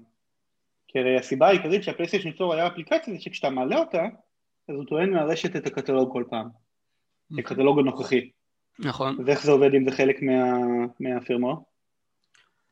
אני לדעתי אתה פשוט, אה, אז אתה כאילו, נגיד יהיה לך איזה אייקון. תלחץ למטה ואז PlayStation יעשה איזשהו lazy load של הנטוורק? כן. זה מה שאני זה חשבתי. יהיה מעניין לראות את זה. אני, אגב, שמעתי, כבר עכשיו התחלתי לשמוע המון המון שמועות מכל מיני מדליפים למיניהם, שבשבוע הקרוב אנחנו נקבל עוד פעם הצצה, שזה כמובן די מתבקש, כי אנחנו אוטוטו בנובמבר, אז אה, כן, אז... כן, תראה, אגב, ההצצות האלה, כן, אנשים לפעמים מדברים בכל מיני פודקאסטים או בכל מיני פורומים על זה שאין הרבה הייפ לגבי הפלייסטיישן 5 ואנשים לא כל כך מדברים על זה וכולם מדברים על אקסבוקס כל הזמן אבל השני סרטונים האלה, הסרטון של הממשק המשתמש והסרטון של שבוע שעבר של הפירוק הם קיבלו כל אחד מהם 9 מיליון צפיות כבר ביוטיוב. כמה קיבל הזה של האקסבוקס? קיבל 300 אלף. אחרי שלושה חודשים. מה להשוות בכלל. כן, טוב, אבל הסרטון של האקסבוקס היה די ביזיוני, הם בקושי הראו שם משהו. אני הייתי צריך ללכת השבוע לחפש סרטון צד ג' בשביל לראות את התשקיף המרכזי על ה-UI של האקסבוקס שהאקסבוקס לא הראו לנו. אצל האקסבוקס אגב ה-UI הוא לא ייחודי ל console הדור הבא, הוא גם לאקסבוקס 1. אז בגלל זה לאנשים כבר יש את ה-UI החדש. כן, זה לא, לא כזה עושה הרבה רעש. זה, אתה יודע, מה שהכי מעניין בכל הסיפור הזה, שמייקרוסופט כבר הפיצה לכל העולם ואשתו, כאילו לכל הכתבים, אה, מהגדול לקטן, כמובן, למעט בישראל, עוד לא יצא לראות, יש לכל כך הרבה אנשים כבר את האקסבוקס סיריס אקס, כל YouTuber... את הגרסה השלישית שלו. כן, את הגרסה, את הגרסה המוקדמת שלו. אה, וזה פשוט, זה נמצא בכל מקום, ועדיין סוני גונבת להם את ה-spotlight לחלוטין. זה מראה לך שהתוכנית שיווק של סוני, של להיות בשקט עד מתי שמתאים להם לשבור את השתיקה, כנראה שהיא עובדת. עובדת בענק. טוב, אה, יש לנו עוד שני אה, אלמנטים של ה-UI שהם עוד לא הראו לנו, אבל אנחנו ראינו אה, כל מיני כאלה רמיזות. רמזים אליהם, כן, רמיזות זה בדיוק המילה שחיפשתי. אז קודם כל, אחד מהדברים המרכזיים שאקסבוקס מתהדרים בו, זה הנושא של קוויק רזום. שקוויק רזום זה אומר שאתה יכול, במקום לסגור משחק ולעבור למשחק אחר ולטעון את המשחק האחר מחדש, אתה יכול לשים משחק בצד ולטעון משחק אחר, ואז אתה חוזר למשחק, וכשאתה חוזר למשחק הראשון, אז זה מחזיר אותך בדיוק למקום שהיית בו, כמו שיש היום עם ה-suspend resume של rest mode של הפלייסטיישן 4. רק שזה עובד באקסבוקס עם עד שישה משחקים. כלומר, אתה יכול שיהיה לך עד שישה משחקים שהם בו זמנית מושהים, ולהחליף ביניהם, וכל פעם זה פשוט יטען לתוך הזיכרון את ה-state הקודם של המשחק, זה לוקח לו בין 6 ל-12 שניות, תלוי בכמה גדול המשחק, ואתה חוזר חזרה בדיוק למקום שהיית בו, במקום uh, לעבור נגיד טעינה של דקה וחצי ב-Red Dead Redemption 2. וסוני עוד לא הראו לנו דבר כזה. אבל בהדגמה הזאת של הממשק משתמש, ראינו כמה דברים שמעידים על זה שזה כנראה כן שם. אז הדבר הראשון שב-control center יש לך כפתור שרשום עליו switcher, שזה נשמע כמו מחליפן בין אפליקציות פעילות או בין משחקים פעילים. והדבר השני שהם הראו זה שכשאתה נכנס ל-rest mode, הטקסט של ההודעה של ה-rest mode השתנה, ורשום שם suspend games ברבים, זה דבר שני, ודבר שלישי, כשהם החליפו בין סאקבוי לבין Destruction All Stars, לא היה הודעת אה, אזהרה ששים לב אתה הולך לסגור את סאקבוי, כל מה שלא שמרת יימחק. כך שסביר להניח מאוד שאפשר לחזור בשנייה אחת לסאקבוי. כן, אז זה מה שהאינטרנט טוען, ששלושת הדברים האלה ביחד מעידים על זה שסקבוי הוא פשוט suspended בצד ואפשר לחזור אליו. אדיר, אני באמת לראות את זה פעולה. אם החומרה של הפלייסטיישן 5 אה, מעידה משהו, אז כנראה שלחזור לסאקבוי יהיה יותר מהר מאשר שזה אצל אקסבוקס, בגלל היתרון של הפי 2 במהירות של הכונן. ועוד דבר אחד שהם לא הראו לנו אבל רמזו עליו, ובעצם זה גם כן משהו שהוא מתחלק לשתיים. לגבי הנושא של trophies, ראינו תוך כדי הסרטון כמה פעמים trophies, אה, ראינו אותם בתור כזה כרטיס כמו עם ה-activities, והיה רשום על הכרטיס אחוז של כמה אחוז אתה מה-trophy, שזה feature חדש של לעקוב אחרי ההתקדמות שלך ב-trophy מסוים, אבל בנוסף לזה, על חלק מהכרטיסים של ה-trophies שהוא עמד עליהם, היה רשום תיאור, ובתיאור היה רשום תרוויח את ה-trophy הזה, תקבל profile uh, avatar. תרוויח את ה-trophy הזה, תקבל profile banner. שזה זה נחמד. אומר שבמערכת יהיה לך דרך מובנית לקבל פרס על הגביעים שהשגת. בניגוד למה שהיה עד היום, שהיה בפלייסטיישן 3 ובפלייסטיישן 4, שזה מדי פעם כשה-backend של סוני היה מזהה שהשגת פלטינום במשחק מסוים, הם היו שולחים לך מייל, כל הכבוד על הפלטינום, הנה קוד ל-theme. זה אז, זה אה, נחמד. כן, עכשיו זה ממש. integrated לתוך המערכת, אתה משיג גביעים, אתה מקבל פרסים. שייתנו קצת אה, איזה PSN דו, כמה שקלים, איזה משהו לכיס. אתה יודע שהיה כזה בעבר, כן? אני יודע, היה ב-Sony Rewards Program, נכון? בסוני ריוורוד בארצות הברית, אני הרווחתי ככה איזה 40 דולר. כמה פלטינומים היית צריך בשביל זה? אה, כל פלטינום זה דולר אחד, כל gold זה אה, עשרה סנט וכל silver זה סנט. אה, אז יכולת להמיר כל קבוצה של עשרה פלטינום לנקודות ששוות 10 דולר, לכל אה, קבוצה של 25 גולדים לנקודות ששוות 2.5 דולר, וכל קבוצה של 100 סילברים לנקודות ששוות דולר אחד. מעניין למה הם הפסיקו עם זה, זה נראה לי ממש ממש מוצלח. אני לא יודע למה הם הפסיקו את זה, זה גם היה רק לארצות הברית. הייתי צריך לעשות כל מיני כאלה טריקים בשביל אה, קומבינות. לעבוד מתוך מכונה וירטואלית שנמצאת בארצות הברית בשביל שזה יעבוד. אתה משתמש ב-VPN גם. אה, VPN לבד לא עוזר לך. כי? הוא, יש לו איזשהו מנגנון אה, לראות שאתה עובר דרך VPN ואז הוא חוסם אותך. אוקיי. לפחות אני חושב, אני לא יודע. לא ניסיתי. זה לא כזה רלוונטי יותר. כן, טוב, בולט אחרון לפני שאנחנו עושים נקסט. כן. ה-UI רץ ב-4K HDR, כלומר ב-PS4 ה-UI היה ב-4K, במיוחד ב-PS4 פרו יותר נכון. ב-PS5 ה-UI הוא גם עם HDR. אז אה, לתמות ולוידאוים ולכל מיני דברים כאלה שאתה תריץ דרך ה-UI, יכולים לרוץ ב-HDR. מגניב, יסנוור לכם את העיניים ככה, כמו שצריך. דרך אגב, תזכיר לי רק... גיליתי שה-UI של האקסבוקס אה. וה-X, 1080p. זהו, זה מה שרציתי לשאול. הקדמתי אותך. אוקיי. טוב גיל, נקסט. קח את הידיעה הבאה. נקסט הידיעה הבאה, ידיעה מספר 6. למה הפלייסטיישן 5 כל כך גדול? אתם יודעים? אז אנחנו מצאנו איזה ראיון חדש עם סמנכ"ל חומרה אה, של, אה, של סוני אה, פלייסטיישן יפן, או מה זה היה? מה היה הטייטל שלו? לא טייטל מגניב כזה. אה. VP Hardware Architecture, משהו כזה. או Hardware Solutions. לא, לא, לא, היה לו משהו יותר מגניב, משהו מקניקל. אני זוכר רק שנייה. אה, כן? אני יכול לחפש אותו. Mechanical Engineering אולי? יש לנו hero רגע, רגע, אני אמצא לך. את ה... נמצא לך את הטייטל שלו. יושוי. VP Mechanical Design Department.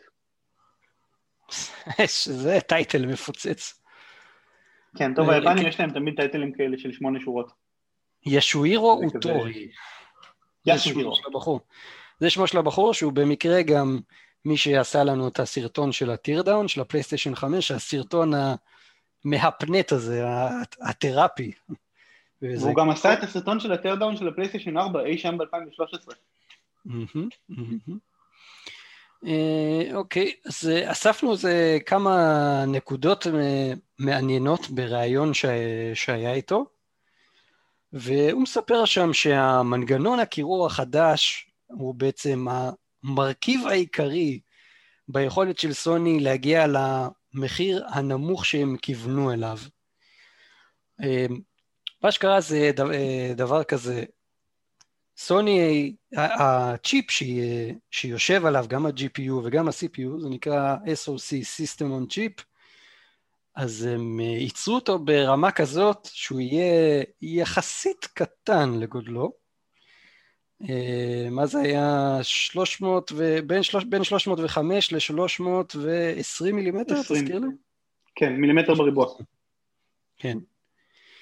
אז uh, בגלל שהוא יחסית כזה קטן, אז הם היו, הם היו יכולים להרשות לעצמם לשחק עם מערכת הקירור שלו בצורה כזאת שהיא תהיה גם סופר מגה יעילה וגם יחסית זולה לייצור.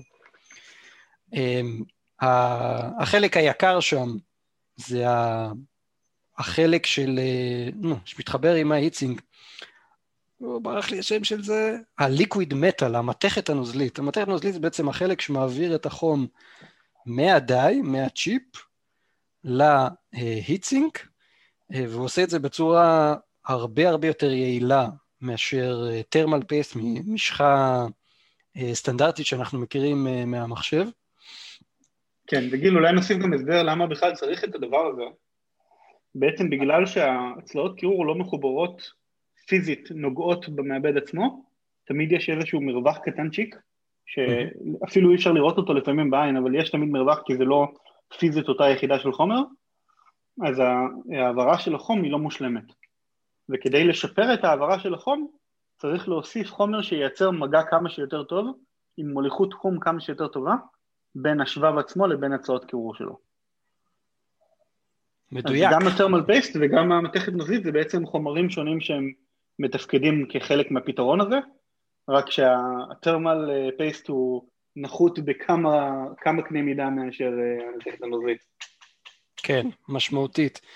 אחת הבעייתיות הכי גדולות, דרך אגב, שהיו בפלייסטיישן 4, אה, וגם לפני, אה, בכללי, גם, גם ב-PC, זה שהמשחה הזאת, המשחה הטרמית, היא בסופו של דבר מתייבשת, ואז היא גורמת להתחממות אה, של המכשיר ושימוש רב יותר במאווררים. אז מה כן, שקורה... כשמכשיר מתחמם אז המערכת הפעלה אוטומטית מגבירה את העוצמה של המאוורר. נכון. אוקיי, גיל, חזרנו לאוויר, אנחנו מתנצלים על התקלות הטכניות הקלות. כן. פעם בעשר, כמעט עשר פרקים, גם לנו מותר. נכון. אוקיי, אז איפה היינו? כן. אמ, אמרנו שעושים שימוש, אה כן, היינו בזה שהטרמל פייסט ב-PC ובפלייסטיישן, אחת הבעיות שלו זה שהוא בסופו של דבר אה, הופך, שהוא מתקשה ומאבד מה, מהיכולת שלו להעביר חום. וכאן, אז יש לך המתכת, עם המתכת הנוזלית, המתכת בסופו של דבר תמיד אה, חוזרת למצב צבירה הישן שלה, שזה, אם החום היא הופכת לנוזלית, אה, וכשהיא לא, וכשלא חם לה, כשהיא לא, סליחה, כשאין חום, אז היא מתקשה, אבל ככה או ככה, היא, היא תמיד במצב צבירה שאנחנו צריכים אותה, והיא לא מתייבשת או משהו כזה, כי הכל שם הוא במערכת סגורה. מערכת סגורה גם שיש להם איזה פטנט מאוד מאוד רציני על זה, כך מסתבר לסוני. כן, הם אמרו שהפטנט הרציני הזה, מי שפותח את המכשיר, יהיה לו ברור מאליו מה הולך שם. אז בגלל זה הם רשמו על זה פטנט, כדי שאנשים אחרים שיעתיקו את אותו דיזיין יצטרכו לשלם להם כסף. נכון מאוד. אה, מעבר לזה הם אמרו שהסיבה לבחירה במתכת הנוזלית זה כי הם רצו אה, להשתמש במהירויות שעון גבוהות יותר, לא רק הקובייה הקטנה אלא גם המהירויות שעון הגבוהות יותר, ובגלל זה הם היו צריכים לוודא שיש להם קירור כמה שיותר מסיבי, כי הם רצו שהקונסולה תהיה שקטה. וזה עכשיו... משהו שכבר שמענו מהמשפיענים ביפן, שהקונסולה הרבה יותר שקטה מה-PS4. כן, עוד uh, עובדה מאוד מאוד uh, מעניינת על איך שהפלייסטיישן 5 עובד, אז מסתבר שהוא כל הזמן נמצא בפול פאוור, ב- כאילו בעוצמת uh, מעבד ועוצמת GPU מלאים, uh, אם כי uh, יש איזה דבר שנקרא, של AMD שנקרא Smart Shift, שהם יכולים להוריד מה-GPU ולעלות מה-CPU ול, ולהפך. אבל הכל, המערכת היא כל הזמן במצב uh, האופטימלי שלה מבחינת uh, uh, raw power output, מה שנקרא. כן, שזה... ואם אני לא טועה, בגלל זה סרני אמר שבריאיון שהיה לו עם דיגיטל פאונדרי לפני כמה חודשים, הוא אמר שרוב הזמן המערכת תהיה עם המעבד, גם המעבד הגרפי וגם המעבד הרגיל, במהירות שעון המקסימלית שלהם. וזה נכון. מתאפשר בזכות העניין הזה של הקירור המסיבי. כן. אז מעל, ה... מעל המתכת הנוזלית, אז יש לנו גוף קירור מאוד מאוד גדול ומסיבי,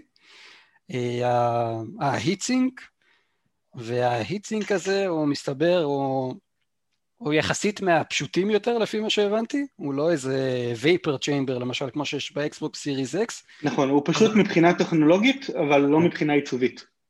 נכון. אז, הוא, אז זה אחד הגורמים שנתן, שהקנה להם את האופציה גם לייצר את המכשיר יחסית זול. מנגד, הוא, בגלל שהוא כזה, הוא בגלל שהוא יחסית פשוט, אז הם צריכים לעשות אותו ענק, אז זה תרם לגודל. הוא גדול כן. בצורה מגוחכת קצת. כן. כשהוא שלף אותו בסרטון שבוע שעבר זה כזה, אולי שיט, מה זה הדבר הזה? כן, מגוחכת מגניבה, אבל אני נהניתי לראות את זה. לגמרי מגניבה, זה נראה יפה. כן. ואפילו גם יש היטסינק מהצד השני. כן. וכן, זהו, זה הדבר הבא שבאתי להגיד, שזה, אה, לא, לא ראו את זה בסרטון, אבל מעברו השני של הלוח, יש שם היטסינק נוסף, וזה כי ידוע לנו שהמערכת בעצם מקררת את, ה, את הלוח משני צדדיו. יש שם מאוורר, צנט, מאוורר, איך הם קוראים לזה? צנטרפוג, צנטרפוגלי או צנטרפוגי? כן, שהוא עצום ברוחב שלו. כן, הוא מאוורר של אומנם 120 מילימטר, אבל הוא מאוורר מאוד רחב, ומה שהוא עושה זה הוא שואב אוויר משני, ה, משני הכיוונים של, ה, של הלוח, וככה הוא מקרר אותו בעצם משני צדדיו, שזה משהו שהוא לא סטנדרטי בשום צורה, גם לא בעולם ה-PC. כן, ובגלל זה בקדימה של המכשיר, יש לנו את שני הצלעות הלבנות האלה של הפלסטיק, שהן מאפשרות לך ליצור מרווח אה, בין החלק המרכזי שאיפה שלוח יושב, לבין איפה שהצלעות יושבות, ובמרווח הזה האוויר נכנס. וכל האבנט הזה מקדימה זה כניסה של אוויר ומאחורה זה יציאה של אוויר. מגניב. אה, אני לא, לא יודע עוד מה להגיד. עיצוב עתידני במכשיר הזה. לגמרי, לגמרי. אפילו שהוא קצת אה, נתב מגודל כזה, אבל הוא נראה כמו חללית. כן. פשוט טוב, עוד מעט אנחנו נוכל כולנו לקסטם את הפאנלים ואז אה, זה פחות יראה כמו נתב. מצוין. אז יש לך עוד משהו להוסיף? שנעבור הלאה? משהו אחרון רק שאני רוצה להוסיף זה שהפלייסטיישן 5 הוא המוצר הראשון שהוא קונסומר גרייד, שהוא מוצר בתפוצה רחבה למשתמשים פשוטים במרכאות, שיש לו מתכת ברזית בפנים בתור פתרון קירור. בתחום המחשבים זה תמיד משמש רק ל-high-end consumers שרוצים לעשות overclocking ושטויות כאלה. נכון. אז אה, אני מקווה שנראה את זה בעוד אה, דברים בעתיד. וזה תלוי בהצלחה שלהם. אם אה, יהיה להם אה, טבעות אדומות אז כנראה שלא, אבל אה, כל עוד זה יעבוד בסדר. אה, דרך אגב, אם... כאילו, אם אתם גיימרים אמיתיים, אז הדבר הראשון בטח שקפץ לכם לראש כששמעתם על ליקוויד מטאל זה T-1000, משליחות קטלנית הטרמינטור, מטרמינטור 2. וזה הדבר הראשון שחשבתי ששמעתי על זה. פשוט טוב, מה שבטוח זה שאם יהיה T1000 מתכת מזלית, אז יקראו לו טים. יקראו לו? כל מקום ברעיון הוא כל הזמן קרא לזה טים. מתכת אה, מזלית טים. כן, לא, יש לזה ראשי תיבות מסוימים, זה לא סתם נקרא טים. thermal induction material. אמרת. יאללה, next מספר 7. next מספר 7, 25 ימים לדור הבא. מייקרוסופט חוגגת וחשפה את רשימת כותרי ההשקה של האקסבוקס סדרה אקס.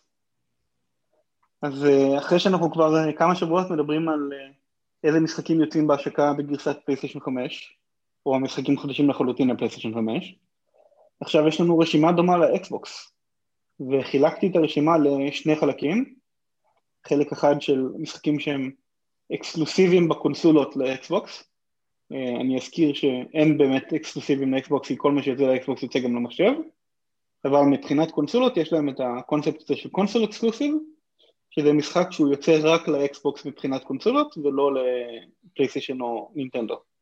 אבל רגע ליאור, זה להם... פודקאסט של, אה, של פלייסטיישן, מה אתה עושה לנו פה? זה פודקאסט הדור הבא, פודקאסט המשחקים של הדור הבא. אנחנו עם bias כלפי פלייסטיישן, אבל אנחנו מדברים גם על המתחרים.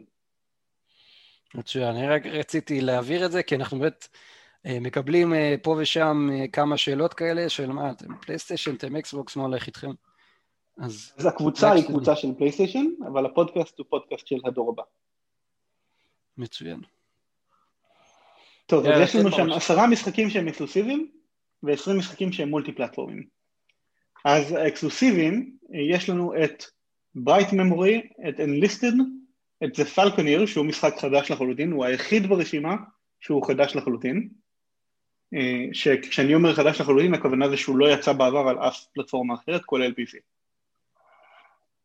Forza Horizon 4, שזה גרסה משודרגת מהאקסבוקס 1, Gears 5, גרסה משודרגת מהאקסבוקס 1, Gears Tactics, שהוא היה ב-PC לפני חצי שנה ועכשיו הוא מגיע לאקסבוקס סדרה X, Ori and the Will of the Wisps, שהוא היה באקסבוקס 1 וגם בנינטנדו Switch לאחרונה, אבל עכשיו הוא מגיע עם גרסת אקסבוקס סדרה X עם 120 FPS ב-4K native.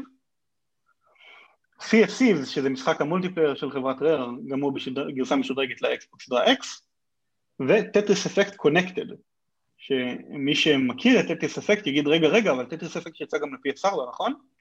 אז התשובה היא שכן, הוא יצא ל-PS4, אבל Tetris Effect Connected זה גרסה משודרגת של Tetris Effect עם מצבי משחק חדשים, שהיא אה, אקסקלוסיביות זמנית למייקרוסופט במשך כשנה אם אני לא טועה, והיא תצא בקיץ הבא בתור add-on לגרסת PS4 ואולי תוך כדי גם תצא גרסת PS5.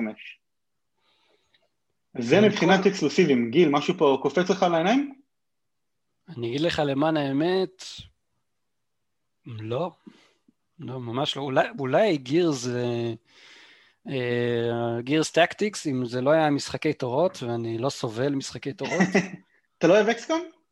לא, אני לא, אה, לא אוהב את זה. זה. זה מגיע בעקבות איזה טראומה שיש לי מהילדות.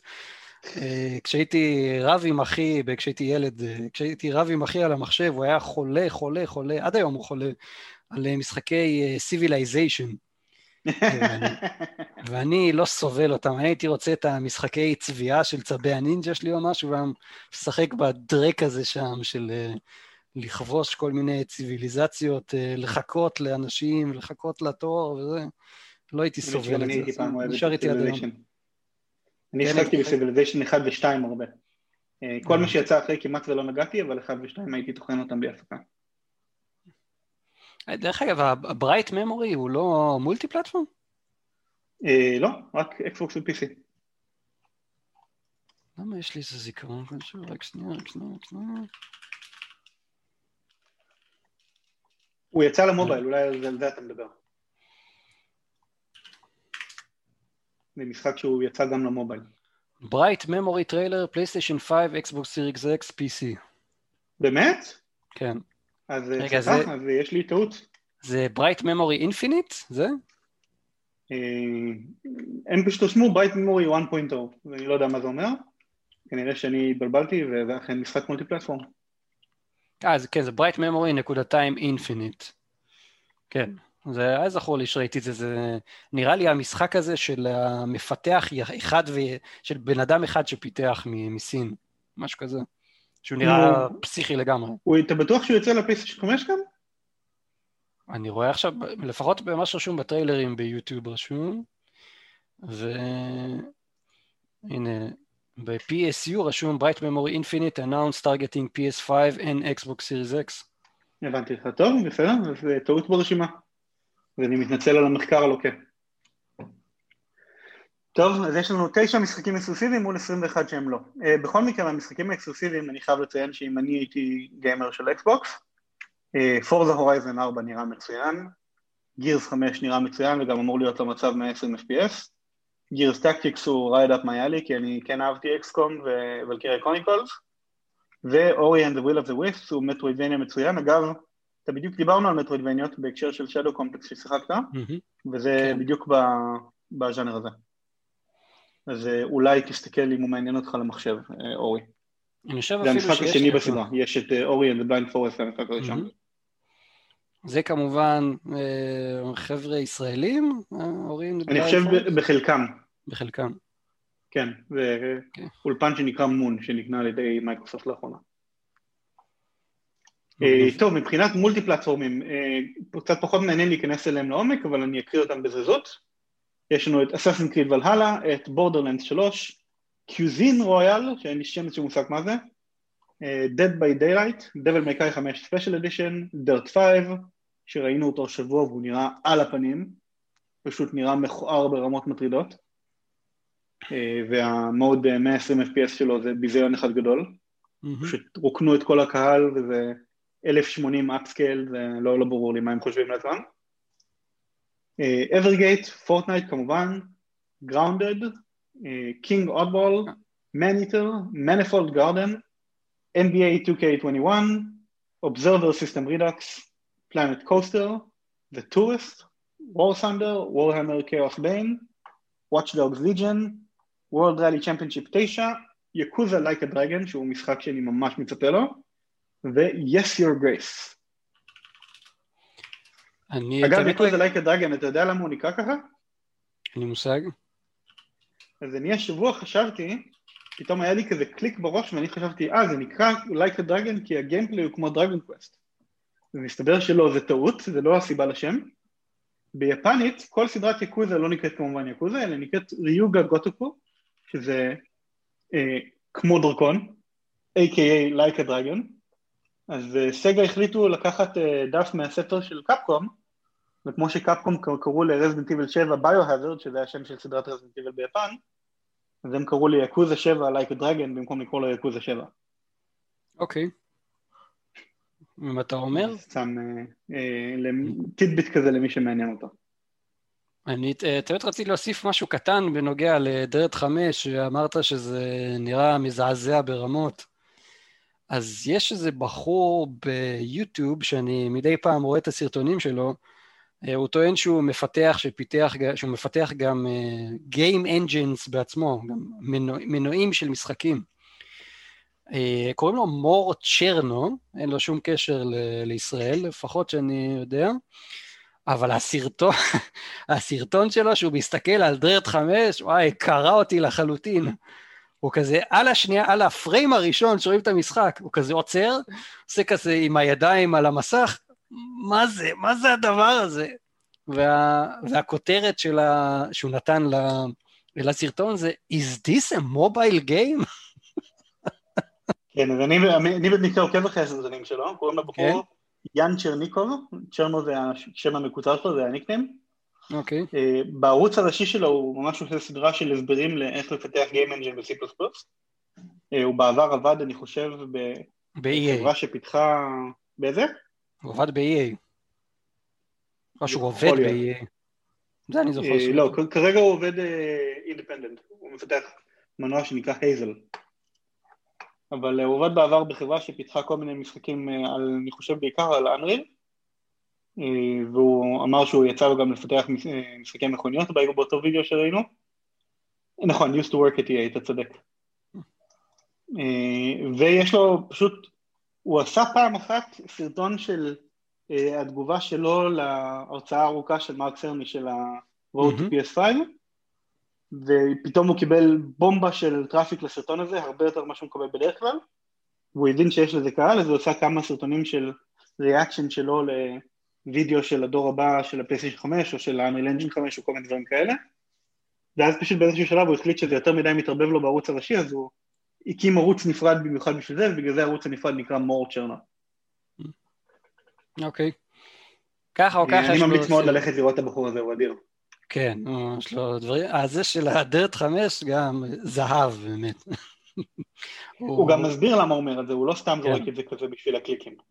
הוא עושה זום אין ומסביר איפה יש בעיות של פופין, איפה יש בעיות של draw distance, איפה יש בעיות של אה, רזולוציה נמוכה, כל מיני דברים כאלה. מעניין אותי אם הוא עשה, אם הוא עשה אנליזות למשחקים של הפלייסטיישן 5 עד עכשיו.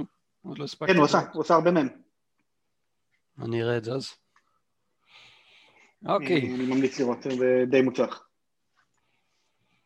מה עוד יש לנו? אוקיי. אז יש לנו. ידיעה אחרונה אחת, נקסט גיל. ידיעה אה, אחרונה ל... ל... לחדשות שלנו להיום, שוחררה אפליקציית Remote Play חדשה, פלייסטיישן Remote Play חדשה. אה, ובאפליקציה הזאת יש, אה, יש כמה דברים, יצא לנו להבין ממנה כמה דברים שהם הולכים לעשות עם ה-PS Remote Play. אז דבר ראשון, יש, יהיה בפלייסטיישן 5, יהיה לו אפשרות לעשות רימוט פליי. הכוונה יש אפשר יהיה להתחבר ממנו גם מפלייסטיישן 4, גם ממובייל וגם מה-PC.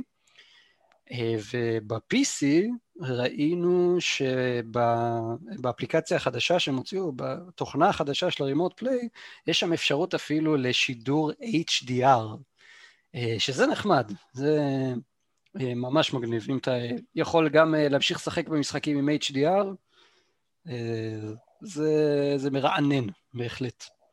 כן, אני רק אוסיף שזה לא רק ב-PC, זה גם באייפון ובאייפד ראיתי את זה, את האופציה הזאת. את האופציה הזאת של HDR? כן, יש לאייפד יש מסך של HDR. מגניב ביותר. ובנוסף הם גם הוסיפו שם אופציה של 1080p remote play שלא היה ב-PS4 ויכולת חדשה להשתמש בחלק מהפיצ'רים של הדול שוק 4 שעד עכשיו לא יכלת להשתמש בהם בטאבלט. אז בין השאר ה-touchpad, ה-motion controls וגם button reassignment. היכולת לשנות מקרישים.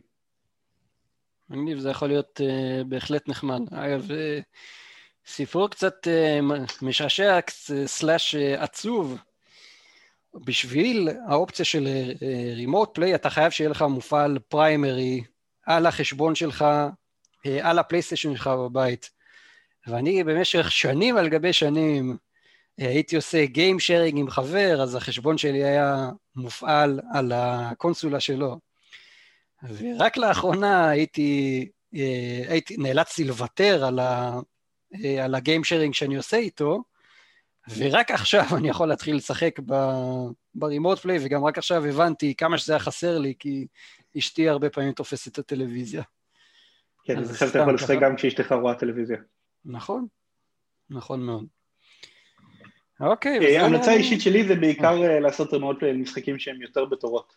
פחות משחקים שהם אה, משחקי אונליין או משחקים אה, שהם דורשים אה, תגובה מהירה. I'll keep that in mind. זהו, נראה לי, זה מסכם את הפינה שלנו, נכון ליאור? זה אכן מסכם את פינת החדשות. אז גיל, נעבור לפינה הבאה? כן, בהחלט. נקסט על שולחן הדיונים. כן, אז השבוע החזרנו את פינת נקסט על שולחן הדיונים בשביל לנהל דיון נוקב בנושא שהרבה מאוד מהמאזינים אה, שאלו עליו והרבה מאוד מהחברים בקבוצה שואלים עליו בלי הפסקה וזה השאלה הגדולה, האם כדאי לי לשדרג טלוויזיה לכבוד ה-PS5? זו שאלה, כן. כן, זה היה דרמטי משהו, not. אה, זו שאלה באמת שחוזרת עליה לא רק אצלנו בקבוצה שלנו בפלייסטיישן נקסט ג'ן אייל, גם בשאר, אה, בכמעט כל קבוצה שאני מכיר בפייסבוק, ואנחנו חושבים ש, שזה יהיה, ש... אה, כדאי שאנחנו נגיד לכם את מה אנחנו חושבים על האם באמת כדאי עכשיו לגשת לרכישה חדשה של כמה אלפי שקלים טובים, האם אם יש לנו טלוויזיה סבירה בבית, או לחלופין אין לנו טלוויזיה סבירה בבית, האם באמת כדאי ללכת לכיוון הזה? אז אה, מה שאנחנו נעשה זה, אה, אנחנו נעבור על מה בעצם הפלייסטיישן 5, מה הוא הולך להציע בדור הזה מבחינת, אה, מבחינת טלוויזיות, מה הפיצ'רים החדשים שהוא נותן, ואז נגיד מה אנחנו חושבים, האם זה באמת שווה את זה. כן, אז... אבל נראה לי עוד לפני זה, בתור הקדמה קטנה, כן. אה, בוא נפרק קודם את הנושא הזה לשלושה מקרים. אוקיי. מקרה ראשון זה שאין לך כרגע בכלל טלוויזיה איכותית ואתה רוצה לקנות כזו. מקרה שני זה שיש לך טלוויזיה ישנה ואתה שוקל לשדרג, ומקרה שלישי זה שיש לך טלוויזיית 4K טובה מהשלוש-ארבע שנים האחרונות ואתה תוהה האם צריך להחליף אותה. אתה מסכים איתי שזה פחות או יותר שלושת המקרים, גיל? כן, זה בדיוק שלושת המקרים, אני לא חושב שיש גם באמצע. אז uh, אני הייתי מתחיל דווקא במקרה השלישי. למי שיש לו טלוויזיית 4K מהשנים האחרונות, חבר'ה, אלא אם כן יש לכם כסף לזרוק, אתם לא חייבים את השדרוג הזה. אפילו אני, שקניתי טלוויזיה שהיא לא מכילה את הפיצ'רים החדשים, קניתי אותה לפני פחות משנתיים, אני לא מתכוון לשדרג, כי אני מודע לזה שהפיצ'רים האלה הם מצוינים, אנחנו נדבר על מה הם ולמה הם ולמה צריך אותם, mm-hmm. אבל זה לא הולך לשנות עולמות ברמה של אתם לא תהנו מהמכשיר בלי זה, או שזה ייראה אחר לחלוטין, זה פשוט הרבה תוספות מאוד מגניבות. אז למי שכבר יש לו טלוויזיית 4K, העצה האישית שלי, תכף נשמע גם מה גיל חושב, אל תשדרגו. מה אתה אומר גיל? אוקיי. Okay. אה, זה, הכל כמובן בסופו של דבר זה עניין של כסף. אני חושב שאם מה שנקרא אה, ידך משגת, ואתה יכול להרשות לעצמך להתפנק, תתפנק. יש פה, יש פה דברים ששווים את זה, אם אתה, רק אם אתה יכול להרשות לעצמך, אבל אז כאילו, אני אומר סבבה. אה, אני למשל, במקרה שלי יש לי טלוויזיה סבבה פלוס הייתי אומר, יש לי את ה-LG B6 OLED, שהיא טלוויזיה מצוינת מבחינת צבעים וכולי וכולי. יש, עדיין חסר לה את רוב מה שיוצא היום עם הפלייסטיישן 5. Uh, אני הייתי רוצה מאוד להחליף אותה, אבל לצערי יש איזה, יש את הביג בוס מעליי, שהוא אשתי, שהיא uh, אומרת, כל עוד זה לא שבור, אל תחליף את זה. If it ain't broken, don't fix it. אבל בגדול יש הייתי... יש משפט חשוב בחיים, happy wife, happy life, אז אה, כן, כל הכבוד לך שאתה עומד בזה. אפילו, כן, זה אפילו יותר חשוב, happy wife, happy life, זה משפט טוב. אז אה, כן, במקרה שלי, אז שוב, אה, אם ידך משגת ווואלה, בא לך להתפנק, אז יש לך סיבות לפנק את עצמך. טוב, ולגבי שני המקרים האחרים של אתם כבר עכשיו מחפשים לקנות ואתם תוהים אם ללכת על הפיצ'ר החדש שאנחנו נדבר עליו או לא, ולמקרה של יש לכם טלוויזיית 1080p או טלוויזיית 4K שהיא לא HDR ואתם שוקלים אם לשדרג, התשובה שלי היא כן לשדרג, במידה ואתם יכולים כמובן. לדעתי, אמ, שוב, תלוי כמובן איזה טלוויזיה אנחנו מדברים, אם יש לך טלוויזיה שהיא, כאילו אם יש כמובן טלוויזיה שהיא 1080p או 4K בלי HDR, אם אין לכם HDR, אז זה חובה, חובה, חובה, כי ההבדל... כן, אחר לגמרי. הוא שמיים וארץ באמת. אני זה... הייתי בשוק בעצמי כמה ההבדל הוא גדול. כן, זה כמו המעבר בין, הייתי, הייתי מקביל את זה למעבר בין SD ל-HD, בין הטלוויזיות הישנות, המלבניות, לטלוויזיות הדקות שהגיעו אחר כך, שראו בהם HD, הייתי מקביל את זה למעבר הזה. הוא מטורף. הייתי אומר שזה יותר כמו המעבר בין מסך מחשב שהוא CRT למסך מחשב שהוא LCD. שהם באותו גודל. כן, הכוונה היא שלי מבחינת הרזולוציה. אני מדבר מבחינת האיכות של הצבעים. זה, זה הדבר okay. אוקיי. המטורף שם, זה פשוט, זה עולם אחר לגמרי. זה איכות צבעים, זה עוצמת אה, תאורה שונה לגמרי, עוצמת תאורה הרבה הרבה יותר טובה. זה ריאליזם של התמונה, כל הריאליזם כן. של התמונה משתנה בזכות הדבר הזה. נכון. עם HDR, ככה רק על רגל אחת, זה פשוט להביא את ה, מה שהעין האנושית מסוגלת להביא, אה, לקלוט לטלוויזיה, שזה הרבה הרבה הרבה יותר, הרבה מעל ומעבר למה שהיה לנו עד היום, לטלוויזיות שהן SDR. זה על רגל אחת. נכון, מה שאני בדרך כלל אומר על זה, על HDR, זה שבמקום שיהיה לך 256 בחזקת 3 צבעים אפשריים, יש לך עכשיו 1024 בחזקת 3 צבעים אפשריים. שזה פשוט הבדל של כמה קנה מידות. אז כן. זה מן הסתם אפשר לייצג הרבה יותר צבעים, זה אומר שאפשר להגיע לייצוג הרבה יותר טוב של המציאות. בוא נראה רגע, תן לי שנייה.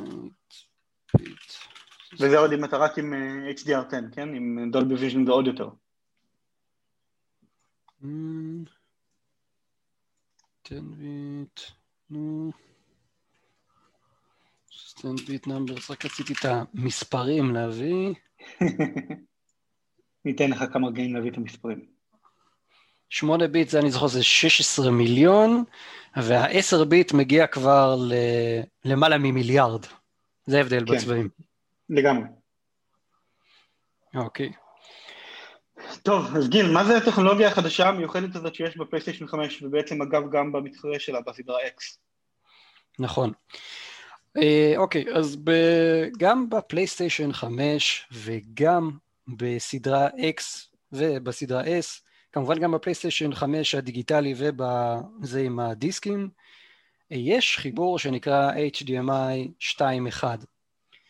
עד היום היה לנו את החיבור הסטנדרטי 2.0 אה, בחיבור, בטלוויזיות מודרניות שנמכרות פחות או יותר, שנמכרו החל משנה שעברה עד היום, עכשיו התחיל להיכנס התקן החדש, HDMI 2.1, וההבדל העיקרי בין השתיים זה קודם כל רוחב פס הרבה הרבה יותר גדול. מ-18 ג'יגה ביט בשנייה ב-HDMI 2.0 ל-48 ג'יגה ביט. כמעט פי שלוש. כן. הדבר הראשון שהאקסטרה רוחב פס הזה נותן לנו לעשות, זה להעביר רזולוציות גבוהות יותר, ועם FPS הרבה יותר גבוה. לדוגמה, 4K 120 הרץ, 4K 120 FPS, יחד עם HDR, שזה לא פחות חשוב. עכשיו, וגם כמו שאמרת, רזולוציות גבוהות יותר, זה מאפשר לך גם להעביר 8K ב-60 FPS. נכון, מגיע עד 8K בהחלט, ב-8, ב-60 FPS. כי ב-HDMI 2.0B יכולת לשדר 8K ב-30 FPS, רק אם אני לא טועה. אני, עד כמה שאני זוכר, אי אפשר בכלל. אי אפשר בכלל 8K? לא, לא כן. נראה לי שאתה צודק, נראה לי שאפשר, אבל עם 30 FPS. איפה הטבלה אז ששלחתי לך? תן לי, נמצא אותה בזריזות. רק שנייה אחת, ברשותכם. אה, נכון, אתה צודק, אי אפשר בכלל. אה, מעניין. אז כן, אז כל טלוויזיית 8K חייבת את הטכנולוגיה החדשה הזאת, בשביל להיות מסוגלת להעביר עוד שוב של 8K. נכון. עכשיו, ליאור, לפני שאנחנו אה, ניכנס אה, כאן לעומק, אני רוצה לשאול אותך, לפלייסטיישן 5, אה, שזה, אגב, זו שאלה מאוד גדולה, ואני רואה שהרבה מאוד אנשים טועים בה בפורומים, אה, בפורומים של פלייסטיישן למיניהם. יש לו משחקים ב-4K 120 הרץ? כן, יש לו. חד וחלק יש. בהשקה יש לנו ארבעה משחקים שכתוב עליהם שהם תומכים באות של 4K 120 FPS, ושימו לב שאני בכוונה אומר את המילה אות ולא את המילה רזולוציה טבעית, כי רזולוציה טבעית זה אומר שהמשחק עצמו מרנדר ישירות ברזולוציה הזאת, אות זה אומר שהמשחק מרונדר באיזושהי רזולוציה, ואז ה-PS5 עצמו עושה לו upscaling ל-4K, וה-PS5 משדר אות של 4K 120 FPS. ויש לנו ארבעה כאלה, שזה דירט 5, Rainbow Six Siege, אה, ותזכירי את שניים אחרים כי ברח לי כרגע מהראש. דבל מיקאי 5 ספיישל אדישן ו-call of duty black ops cold war, נכון. עכשיו, מתוך כל אלה, ב-call of duty זה הכי חשוב, כי ב-call of duty כשאתה עובד ב-120 FPS זה אומר שהמשחק גם, הלוגיקה של המשחק עובדת ב-120 FPS. וזה אומר שהמשחק דוגם את הסטטוס של השלט שאתה מחזיק כל שמונה מיליות שנייה במקום מאיות שנייה, לא מאיות, אלפיות, כל שמונה אלפיות שנייה במקום כל שש עשרה. שבמשחק שכל רגע קטנצ'יק, אפילו קטן ככל האפשר, הוא קריטי בשביל לדעת האם ירית אתה הראשון באויב או שהאויב הרע בך, ההבדל הזה הוא משמעותי, במיוחד לגיימרים תחרותיים. אתה בטוח בזה? זה לא שמעתי דווקא. כן, תמיד FPS, אה, בשביל לתמוך ב-FPS גבוה, הלוגיקה של המשחק חייבת לרוץ באותו FPS. כן, אבל הם מעלים את הקצב שבו הם דוגמים את השלט? זה לא משהו כן, קבוע? כן, כן, כן. אני בעצמי תכננתי משחקים, אני יודע איך הדבר הזה עובד, זה עובד ככה. הלוגיקה, בכל פריים של המשחק, יש שתי פעולות שקורות. עדכון של הלוגיקה, עדכון של המצב של המשחק, וציור של הפריים. העדכון של המצב של המשחק הוא זה שדוגם את השלט. טוב, וזה אומר שכשאתה עולה ב-FPS, אז הרספונסיביטי של השלט שלך עולה פי שתיים כל פעם. מ-30 FPS ל-60 FPS לפי שתיים, מ-60 FPS ל-120 FPS לעוד פעם פי שתיים. אוקיי. אמ, זה דבר שחשוב לציין, אלה משחקי השקה. מה שזה אומר זה שכנראה שבעתיד יהיו לנו עוד כאלה. אז... אה, אני צופה שיהיו עוד עשרות אם לא מאות כן. לאורך האורך חיים של ה-PS5. נכון, נכון מאוד. אמ, ודבר, עוד אה, דבר בהקשר הזה, אם לא יצא לכם לראות משחק ב-120 FPS, אתם, אתם כנראה לא תדעו באמת מה זה יכול לתת לכם. במשחקים תחרותיים זה ההבדל בין uh, להיות הראשון שנותן את ההדשוט, ל- ל- להיות זה שמקבל אותו, או לחלופין אה, להיות זה, להיות זה שפוגע או זה שמפספס. כן, ממש ככה. כן, הרמה שה, של, של הפרטים שמתעדכנים במסך היא משמעותית הרבה יותר גבוהה ממה שהיינו רגילים אליו עד עכשיו. אז זה משהו... וגם אם, ה... אם יש לכם אה, עיניים שלצערכם מסיבה כזאת או אחרת מתקשות להבדיל ב... באנימציה בין 60 FPS לבין 120 או בין 30 לבין 60, אתם עדיין תרגישו את זה בידיים. אז עדיין יש לזה משמעות. נכון, אז כמו, ש... כמו שליאור אמר, הרספונסיביות של השלט עולה משמעותית. אוקיי.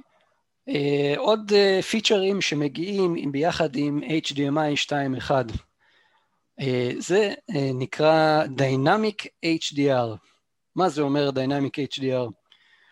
אם היום, למשל, כשאתם, uh, כשאתם, ברגע שאתם מתחילים לשחק משחק, אז uh, הוא משדר חזרה לטלוויזיה את ה, באיזה עוצמת brightness uh, המשחק, המשחק משתמש, uh, באיזה עוצמת... Uh, מה, מה זה שמחפש שם? הקונטרסט, הניגודיות. נכון. אז כאן, ברגע שאתם עוברים מסצנה שהיא מאוד מאוד מוארת לנגיד סצנה שהיא מאוד מאוד uh, שחורה, שהיא חשוכה, אז יש מצב, יש הרבה פעמים מצב שאתם מפספסים פרטים על המסך.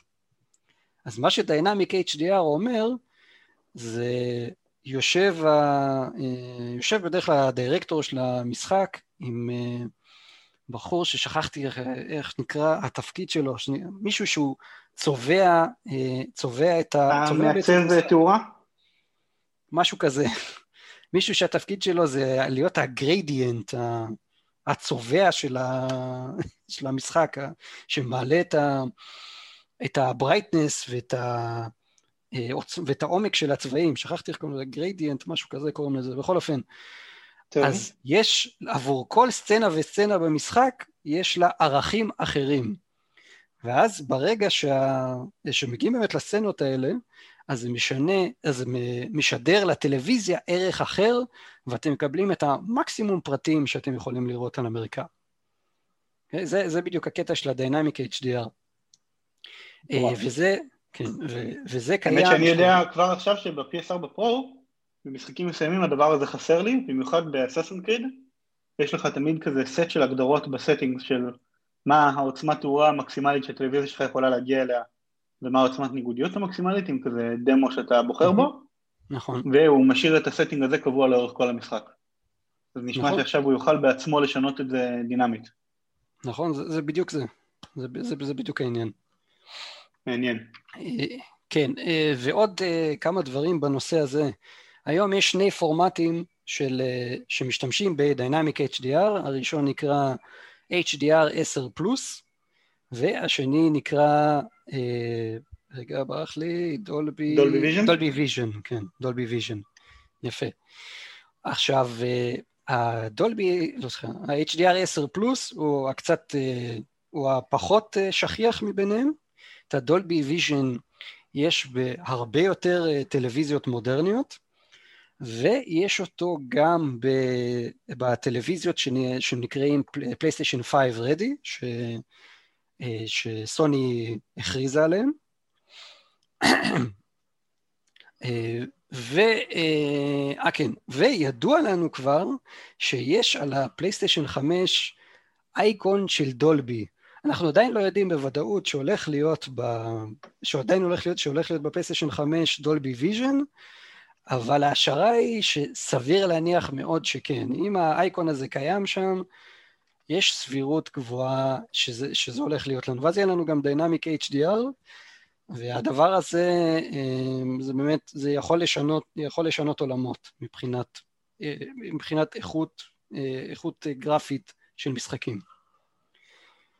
עוד כמה פיצ'רים קטנים שמגיעים יחד עם HDMR, HDMI 2.1, variable refresh rate, דבר שדובר עליו הרבה, ה-variable refresh rate, מה שזה עושה, זה מסנכרן בין הכמות פריימים שה-GPU מוציא, שהקונסולה מוציא, לפריימים שהטלוויזיה מציגה בהם. לצורך העניין, היום הטלוויזיות מציגים ב-60 קבוע, אה, אה, אם אתם... זה לא מדויק, זה תלוי באות. אם האות הוא 60 אז זה מציג ב-60, אם האות הוא 30 כן. זה מציג ב-30. לא, לא בדיוק, לא. הוא לא יורד, זה בדיוק הקטע של ה-variable refresh rate, הוא מוריד את הקצב של הטלוויזיה. אוקיי. אם אתה זורק ב-30, מה שקורה זה המסך מחכה לך. מה, הוא מכפיל תמונות כאילו? כן, זה נקרא uh, image interpolation.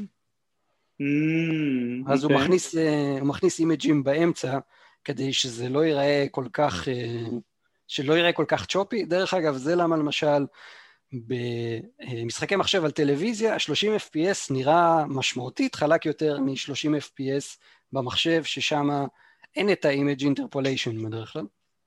Mm, מעניין. עכשיו, דבר חשוב אוקיי. בנושא, בנושא של ה-variable refresh rate, זה שיש שלושה סוגים. יש את ה-AMD FreeSync, יש את NVIDIA G-Sync, ויש את ה-HDMI Forum VRR. השלושה האלה שונים אחד מהשני.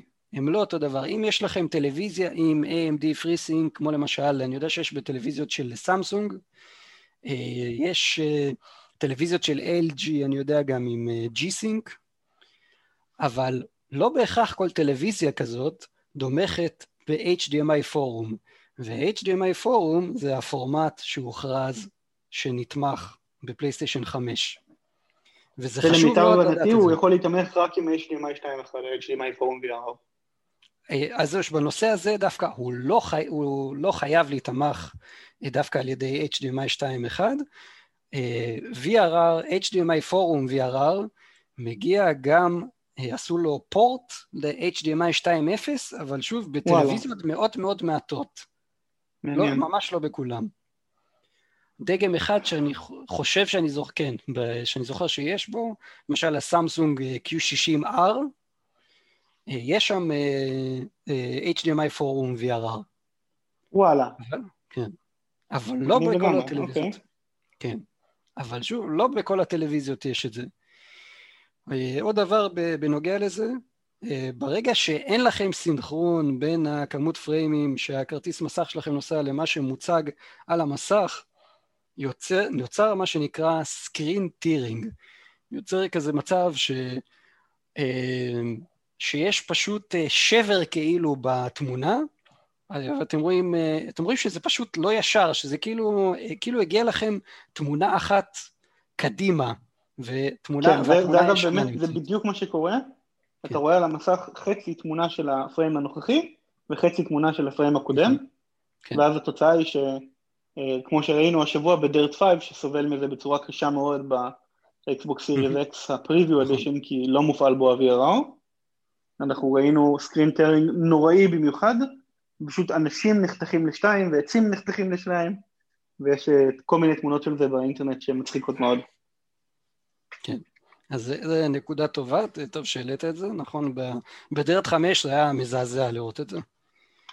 אז יש כן, אז את Codemasters, המפתחים של DiRT 5 אמרו שזה בגלל אה, שהתמיכה ב-VRR לא מופעלת ב preview edition של ה Xbox Series X. סבבה לגמרי. אה, אוקיי, הפיצ'רים הבאים הם כאילו יותר nice to have, הם לא באמת, אה, הם לא צריכים להשפיע כל כך על, ה, על הרכישה שלכם. הפיצ'ר הראשון נקרא Auto Low Latency Mode, אה, Auto Low Latency Mode או ALLM, ומה ש... כל, כל מה שהדבר הזה עושה, שיש לו שם מאוד מאוד מפוצץ, זה מדליק לכם, מדליק לכם את המצב של הגיי מוד בטלוויזיה. כן, זה במצב- מאוד נגד עצלנים. כן. Uh, המצב של הגיי מוד בטלוויזיה, בטלוויזיות בדרך כלל היום, הוא מוריד כל מיני עיבודי, אה, עיבודי מעבד שהטלוויזיה עושה על מנת לשייף ולהחליק את התמונה, ובדרך, ובדרך כלל מה שנוצר כשמורידים את הדבר הזה, זה, laten, זה מורידים את ה latency, יש אה, פחות, אה, איך זה נקרא בעברית? עקבה? יש- אה, פחות זמן עיכוב נראה לי. כן. ויש פחות זמן עיכוב מהפקודה שברגע שתלחצו לשלט עד שזה יגיע למסך. כן, אה, בדיוק. וד- והסיבה כן. שיש את הזמן עיכוב הזה אחרת, אם אתם לא ב game mode, זה בגלל שכמו שאמרנו, הטלוויזיה עושה הרבה מאוד פעולות עיבוד על התמונה, אז גם אחרי שהתמונה הגיעה אל הטלוויזיה מהמכשיר, היא לא מיד מוצגת, אלא הטלוויזיה עובדת עליה במשך whatever מילי שניות שזה לוקח, ואז רק מציגה אותה. אז יכול לקחת אקסטרה חמש מילי שניות או אקסטרה עשר מילי שניות לעבד את התמונה, וזה בעצם יוצר לכם אה, הרגשה שאתם קופצים והדמות לא קופצת, או שלוקח הרבה זמן עד שהדמות קופצת. נכון. או למשל, למה אף פעם לא מצליח לכם איזה קומבו מסוים ב Street Fighter או ב Mortal Kombat? כן, במשחקי מכות זה הכי בעייתי, כי שם ממש אתה חייב מאוד... את ה-frame perfect input לפעמים. מאוד מאוד בולט שם. עכשיו, למה הפיצ'ר הזה מצחיק? אני למשל בטלוויזיה שלי, שהיא מ-2016, אוטומטית ברגע שאני עובר לפלייסטיישן 4, הוא כבר יודע לבד להכניס, להחזיר, להכניס לי את זה ל game mode, ואין לי בכלל את ה auto low latency mode. ואני די בטוח שיש את זה בעוד הרבה מאוד אה, טלוויזיות אחרות. כן, אז אצלי אה, בטלוויזיה הנוכחית מן הסתם הוא עושה את זה אוטומטית, אבל גם דאגתי לבד שזה יהיה על זה. ובטלוויזיה הקודמת שלי מ-2008 גם אצלה היה game mode, פשוט שמתי את זה על game mode ושכחתי את זה לנצח שם. סבבה. אה, אין לי שום סיבה שהטלוויזיה לא תהיה על גיים מוד אף פעם. עוד, עוד כמה פיצ'רים שמגיעים יחד עם המכשיר, עוד משהו שנקרא Quick Media Switching, ממש בשורה אחת, מה שזה עושה זה את, את המעבר בין הסיגנלים, כשאתם למשל עוברים בין HDMI 1 ל-2, ואז פתאום אתם רואים מסך כחול או מסך שחור, אז אתם לא תראו אותו יותר, זה פשוט יעבור מיידית. זה כל מה שהדבר הזה אומר, אין שם אה, יותר מדי אה, מה להרחיב על זה. אה, עוד אה, דבר. הפיצ'ר האחרון בעצם שמגיע עם HDMI 2.1 נקרא Enhanced, Enhanced Audio Return Channel או EARC זה פיצ'ר שהיתרון שלו הוא בעיקר לאודיו אינפוזיאס, לאודיופילים למיניהם, למי שיש לו, למי שיותר נכון שמתכוון להתחדש במגבר חדש. כל הד... מה שהדבר הזה עושה זה מחזיר אודיו חוזר מהטלוויזיה למגבר. אם למשל נגיד יש לכם כמה מכשירים שמחוברים לטלוויזיה, כמו לא יודע איזה סטרימר, אה, איזה Raspberry Pi או משהו כזה. או לחילופין. שיש לכם אקסבוקס ופלייסטיישן ו Switch. אקס... נכון, אקסבוקס ופלייסטיישן וסוויץ' מחוברים ישירות לטלוויזיה, אז אתם יכולים בכבל אחד להעביר את האודיו מהטלוויזיה לפלייסטיישן, אה, סליחה, למגבר שלכם, אה, כאשר מגיעים שם עוד כל מיני בונוסים כמו אה, תמיכה, איפה זה היה? תמיכה בפורמטים... דולבי 2 ו-DTS. דולבי 2 HD ו-DTS HD, תמיכה בפורמטים ללא דחיסה, וגם מקנה לראשונה מעבר מהטלוויזיה למגבר של פורמטים מרובי ערוצים, כמו DTSX ודולבי אטמוס. אז uh, זה בערך מה שהפיצ'ר הזה עושה, uh, כמובן... כן, במילים אחרות זה חוסך בכבלים, במקום שהמגבר כן. יהיה מחובר לטלוויזיה בכבל נפרד לאודיו וכבל נפרד לוידאו, כן. זה הכל על אותו כבל. כן, זה בעצם פיצ'ר uh, שממשיך את ה-ARC, היה ב-HDMI 2.0 היה את ה-ARC, אני חושב שהיה גם ב-1.4, אז פה הם העלו לו את הרוחב פס מ-14 מגה או משהו כזה לאיזה 40, וזה מאפשר את כל הדברים האלה. זה כל הפיצ'רים אה, בעצם שיש ב-HDMI אה, 2.1. אה, כן. אז ועכשיו... מה בעצם הבעייתיות עם HDMI 2.1 גיל? שכמעט בשום מקום הוא לא נמצא. הוא כל נכון. כך חדש שבסוני נכון. יש רק טלוויזיה אחת בלבד בכל הדגמים של ה-LCD שלהם שתומכת בו, וטלוויזיה אחת בלבד בדגמי אולד שתומכת בו, ואני חושב אצל LG זה משהו כמו ארבעה טלוויזיות, כן, זה כל משהו כמו ארבעה טלוויזיות, זה תמיד זה רק הדגמים של 2020 או של נכון. 2019 ו-2020. נכון. אז זה ממש אז... ממש ממש חדש, וזה אומר שכשאתם תלכו לחנויות אה, שיווק של טלוויזיות בישראל, כמו אלם ושקם אלקטריק למיניהם, אה, סבירות קבועה שאתם תצטרכו לבקש את זה במיוחד. אחרת מה שיהיה להם בתצוגה זה יהיה הדגמים של שנים קודמות. עוד דבר שחשוב לשים לב, גם לא כל הטלוויזיות האלה תומכים בכל הפיצ'רים של HDMI 2.1. סתם לדוגמה, ה-LGCX, שזה טלוויזיית, טלוויזיית אולד משוגעת לחלוטין, שכאילו כל העולם מדבר עליה, גם בקבוצות גיימינג למיניהם, אז uh, מסתבר שאין לה יכולות HDMI 2.1 מלאות, היא יכולה, הפורט שלה, של HDMI, מגיע ל-40 מגביט, 40, סליחה, כן, 40 ג'יגה ביט בשנייה בלבד, הוא לא מגיע לכל הספקטרום של, אה, של HDMI, הוא לא מגיע ל-48. מה זה, מה חסר לו מתוך כל הסיפור שכרגע דיברנו בגלל זה? מה חסר לו? או שזה עוד לא יודעים מה חסר לו. היא למשל, אני די בטוח שהיא לא יכולה לעשות 8K. אה, אוקיי, הגיוני.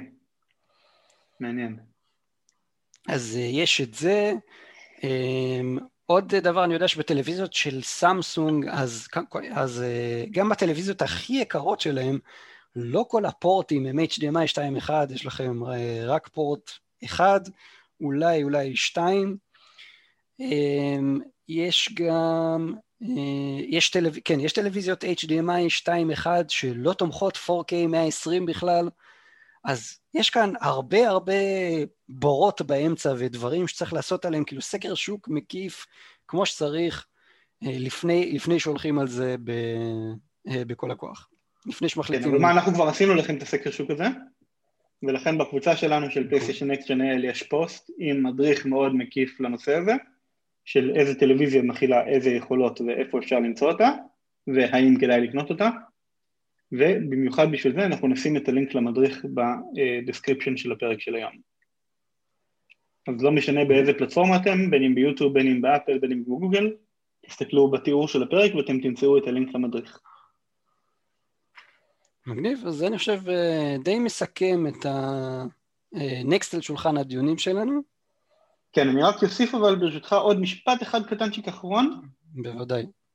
הסיבה שהדבר הזה חשוב, מעבר לכל הפיצ'רים האלה, יותר מהכל זה future proofing, חסינות לעתיד. נכון. כי הפלייסטיישן 5 וה Xbox Series X הולכים להיות איתנו עכשיו 6, 7, 8 שנים לפחות, אה, עד שיהיה לנו את הדור הבא, או סביר להניח שאתם תמשיכו להשתמש בהם גם קצת אחרי שהדור הבא יצא, ואם אתם רוצים ליהנות מהמקסימום שלהם, ויש לכם את האפשרות ואתם כרגע מחפשים טלוויזיה, אל תתקמצנו על להוסיף את היותר שקלים כשאת, אם אתם יכולים, שוב, אה, בהתאם לכיס שלכם, כדי לקבל את מלוא היכולות ולשמור את המסך שייתן לכם את כל מה שאתם צריכים לעתיד הקרוב. כן, זה חשוב באמת. אה, קחו בחשבון גם כמובן שעוד מעט Black Friday, אז יש המון מבצעים. יש סבירות גבוהה גם ששנה הבאה אנחנו נראה טלוויזיות קצת יותר מתקדמות בנושא הזה. בכללי בטח יהיה כמויות גם, אה, גם הרבה יותר, אנחנו עדיין בדברים מאוד מצומצמים, אז אה, יש מצב ששווה לחכות, אם יש לכם את האופציה הזאת. כן, זה הכל תלוי במה אתם כרגע מתכננים ואיזה מסך יש לכם כרגע. נכון. זה השיקול המרכזי. אם אתם עם מסך 1080p, אל תחכו לשנה הבאה. אבל אם אתם עם מסך 4K, באמת אה, אין לכם מה לרוץ ולקנות עכשיו עכשיו. 4K HDR. 4K HDR, נכון. יש הבדל גדול בין 4K ל-4K HDR. אוקיי, אז... טוב, גיל, נקסט על המסך שלנו. מה, מה אתה משחק היום? או מה שיחקת היום? אוקיי, אני יצא לי ממש לגעת קצת ב-Ghost of Tsushima Legends, התוספת החדשה והחינמית שיצאה ל-Ghost of Tsushima. ליאור, אני מחכה שתבוא תשחק איתי את זה. כי... כן, נראה לי שהיום אני אבוא לשחק איתך את זה. אה, סגור העניין, כי אני באמת באמת מצפה לזה בקוצר רוח. אה, עשיתי שם ממש קצת, מסתבר דרך אגב שאפשר גם לשחק לבד, אה, בעצם הם אמרו גם נראה לי שאפשר לעשות גם single player ב co-op. כן, האמת שאני לא זכרתי שאמרו, זכרתי שאמרו שניים. או co-op כי... או raid ו survival בארבע.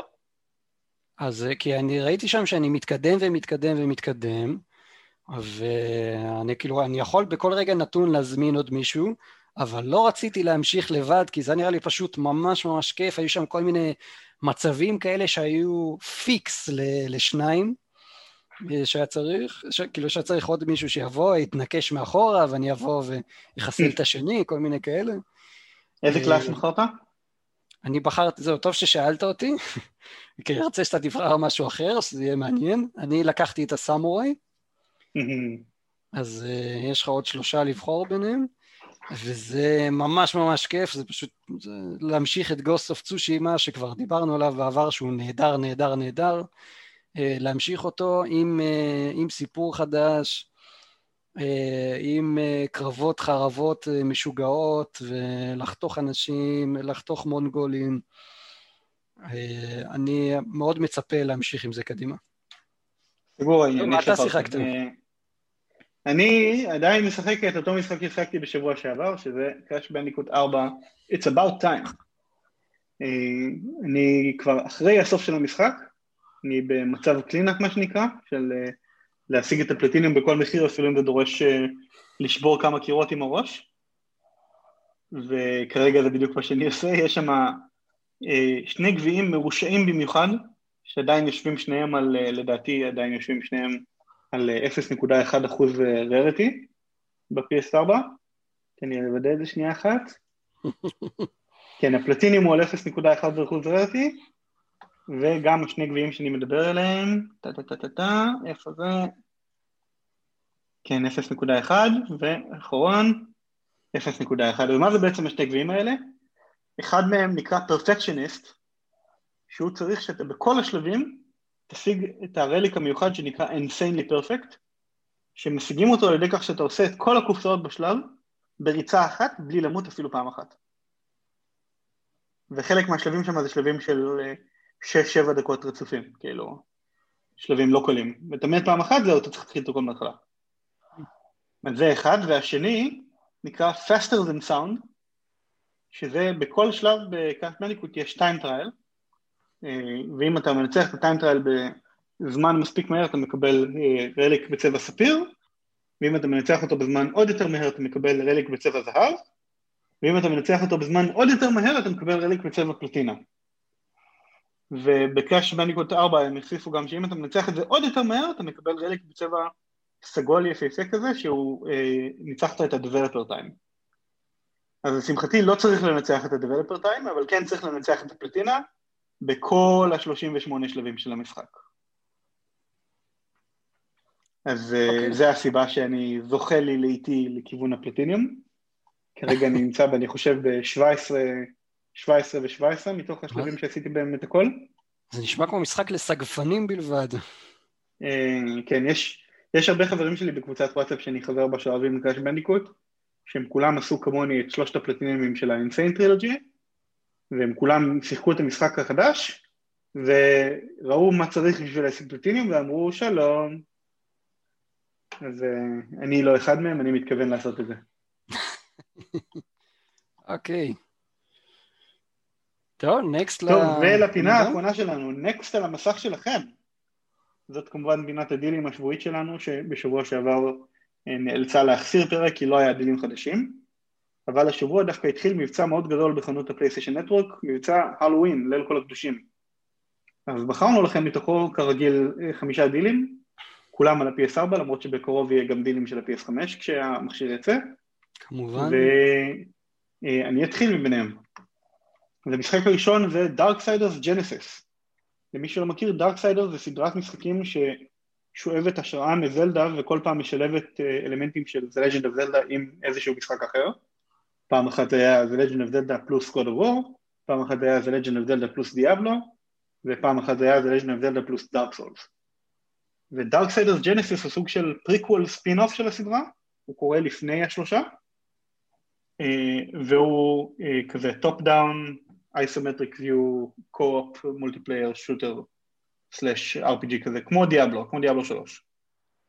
והמחיר הרגיל שלו בדרך כלל 40 דולר, הוא ממש חדש, הוא יצא השנה, הוא עכשיו ב-28 דולר. אז אני הבאתי לכם את הדיל ואני גם קניתי אותו לעצמי. וואלה, לקחת אותו גם, מגניב. כן. אוקיי. כי um... עשיתי פלטיניום ב-Darksiders 1, 2 ו-3, אז עכשיו צריך להמשיך. זה לא נגמר, אה? לא, לא, לא נגמר. Okay. אוקיי. טוב, המשחק הבא שאנחנו uh, ממליצים לכם, כמובן uh, אין הרבה צורך uh, להכביר במילים, The Last of Us Part 2, 40 דולר עכשיו, שזה מבצע מצוין. אני בטוח שאני לא צריך לספר לכם מה אומרים על המשחק הזה וכמה שאנשים כל כך כל כך אוהבים אותו ומחוברים עליו ולדמויות שלו. ופשוט חושבים שזה אולי המשחק הכי טוב בעשור האחרון.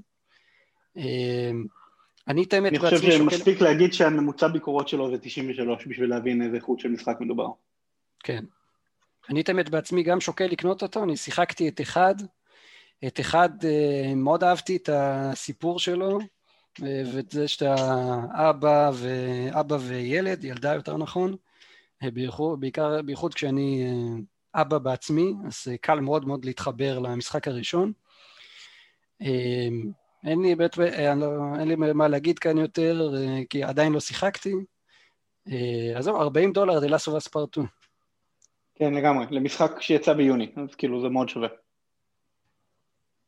Uh, המשחק הבא זה משחק שאני עוד לא שיחקתי בו, אבל קניתי אותו בעצמי במבצע הזה, ואני שמעתי עליו הרבה אז אני רוצה כן להמליץ עליו, וזה סיף, הרימייק של סיף המקורי מהמחשב, משחק התגנבות ידוע לשמצה, ידוע לטובה דווקא לא לשמצה, uh, בכך שהוא חידש את הז'אנר הזה של התגנבות מגוף ראשון, והוא אמור להיות מאוד מאוד מוצלח, והוא עולה עכשיו שתי דולר, אז כאילו לא, לא חשבתי הרבה במחיר הזה. אוקיי. אה, זה אחלה, שתי דולר מה זה, כלום. כן, זה ממש כלום. בקושי מנת פלאפל. אה, אני אפילו לא בטוח שזה קונה מנת פלאפל.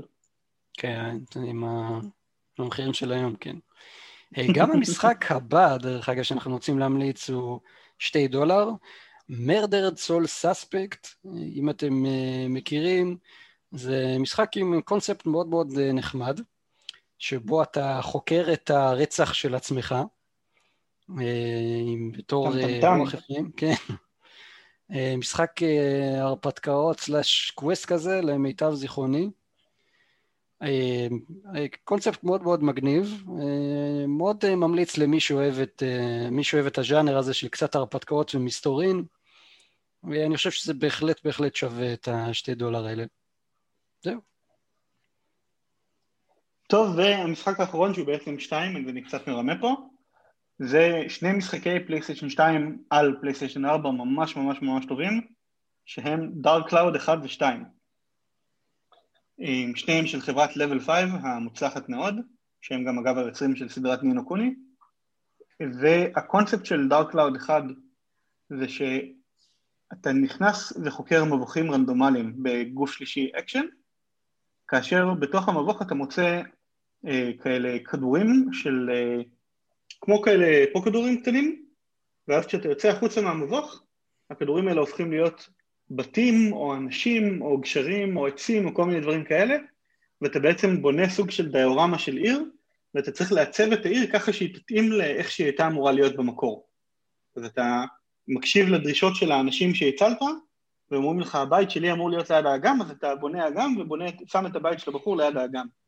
הוא אומר לך, אני הייתי ליד האופה, אז אתה לוקח את הבחור הזה ואתה שם אותו בבית שנמצא ליד הבית של האופה. ואז לאט לאט אתה משלים את כל הבקשות, וכשהשלמת את כל הבקשות אז אתה ממשיך ל region הבא, שהוא שוב פעם משטח ריק, עם מבוך לחקור, והרבה מאוד קומות למבוך, ואתה משיג לאט לאט את הדברים שנעלמו. וזה הקונספט גם ב-Dark Cloud 1 וגם ב-Dark Cloud 2, רק שב-Dark Cloud 2 הוסיפו על זה המון המון המון המון המון מערכות משחק, ולבלינג אפ, והמצאות, ומיני גיימס, ונשק משני, וכל מיני שטויות כאלה, והם שניהם משחקים מצוינים שאני ממליץ עליהם בחום. עולים כרגע 6 דולר כל אחד במקום 15 דולר. מגניב. והגענו לסוף התוכנית, נכון? הגענו לסוף התוכנית, גיל. וואו, נראה לי זה הפרק... פרק תשע. עשירים כוללים את הפיילוט. כן. אני, נראה לי זה הפרק הכי ארוך שלנו עד עכשיו. אה, יכול להיות. כן. רק הולך ומתארך מפרק לפרק. טוב, הוספנו פינת אה, שולחן דיונים רצינית בפרק הזה. כן, אין חופשי.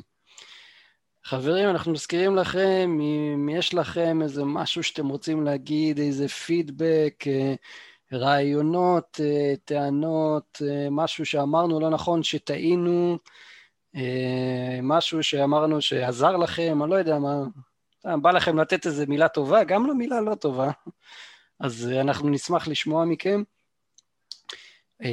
וזהו, ליאור יקירי, אתה אחלה מנחה, תודה שאירחת אותי. תודה רבה, גיל. בטח, תמיד. ותודה שעזרת לי להסביר את כל נושא הטלוויזיות. אה, בשמחה. בשמחה רבה. אז יאללה חברים, עד הפעם הבאה. שבוע הבא, תמשיכו לשחק. יאללה ביי.